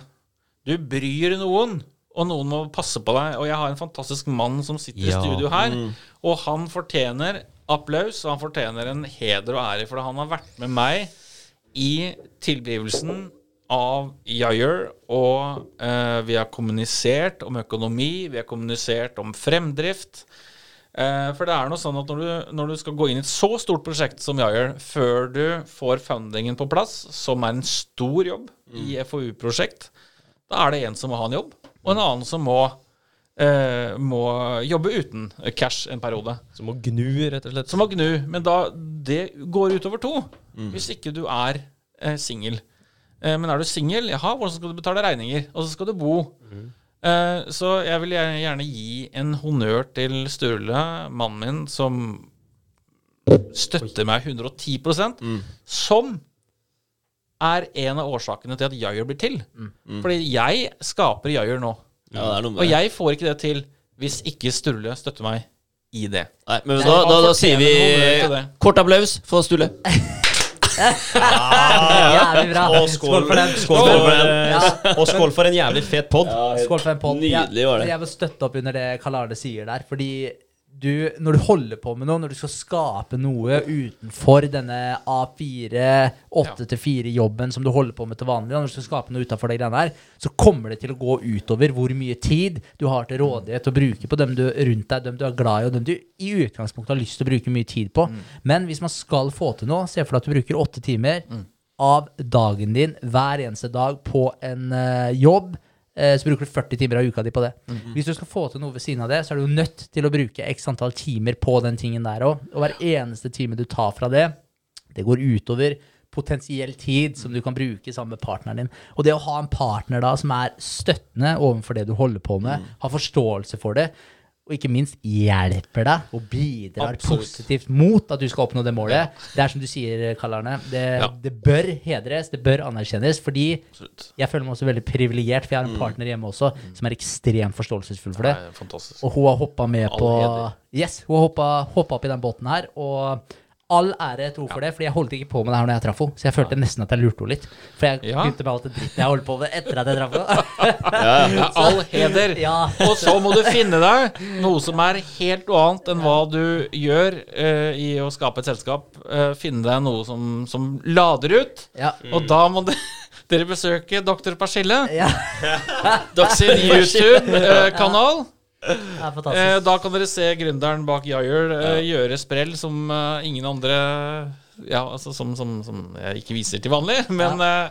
finn noe som gjør at du går helt ut av konseptene, fordi du må lade ut. Man må Ja. lade ut når man gjør noe så Man må gjøre det, og jeg kan si at jeg har bare blitt mer glad i deg i løpet av Og Sturle eh, i løpet av denne podkasten her. Eh, supert å ha deg på besøk, og vi tar gjerne en reunion Yay. om kort tid. Føler jo at vi kan snakke i noen timer Ja, vi kunne til, egentlig. men jeg tror blæra mi har ikke kapasitet. Nei, jeg må også pisse! Jeg må pisse noe jævlig! Jeg har holdt meg altfor lenge. Ja, da tar vi en siste skål. Siste skål. Skål! Samtale. Skål! Takk for nå, alle sammen. Takk for nå. Takk.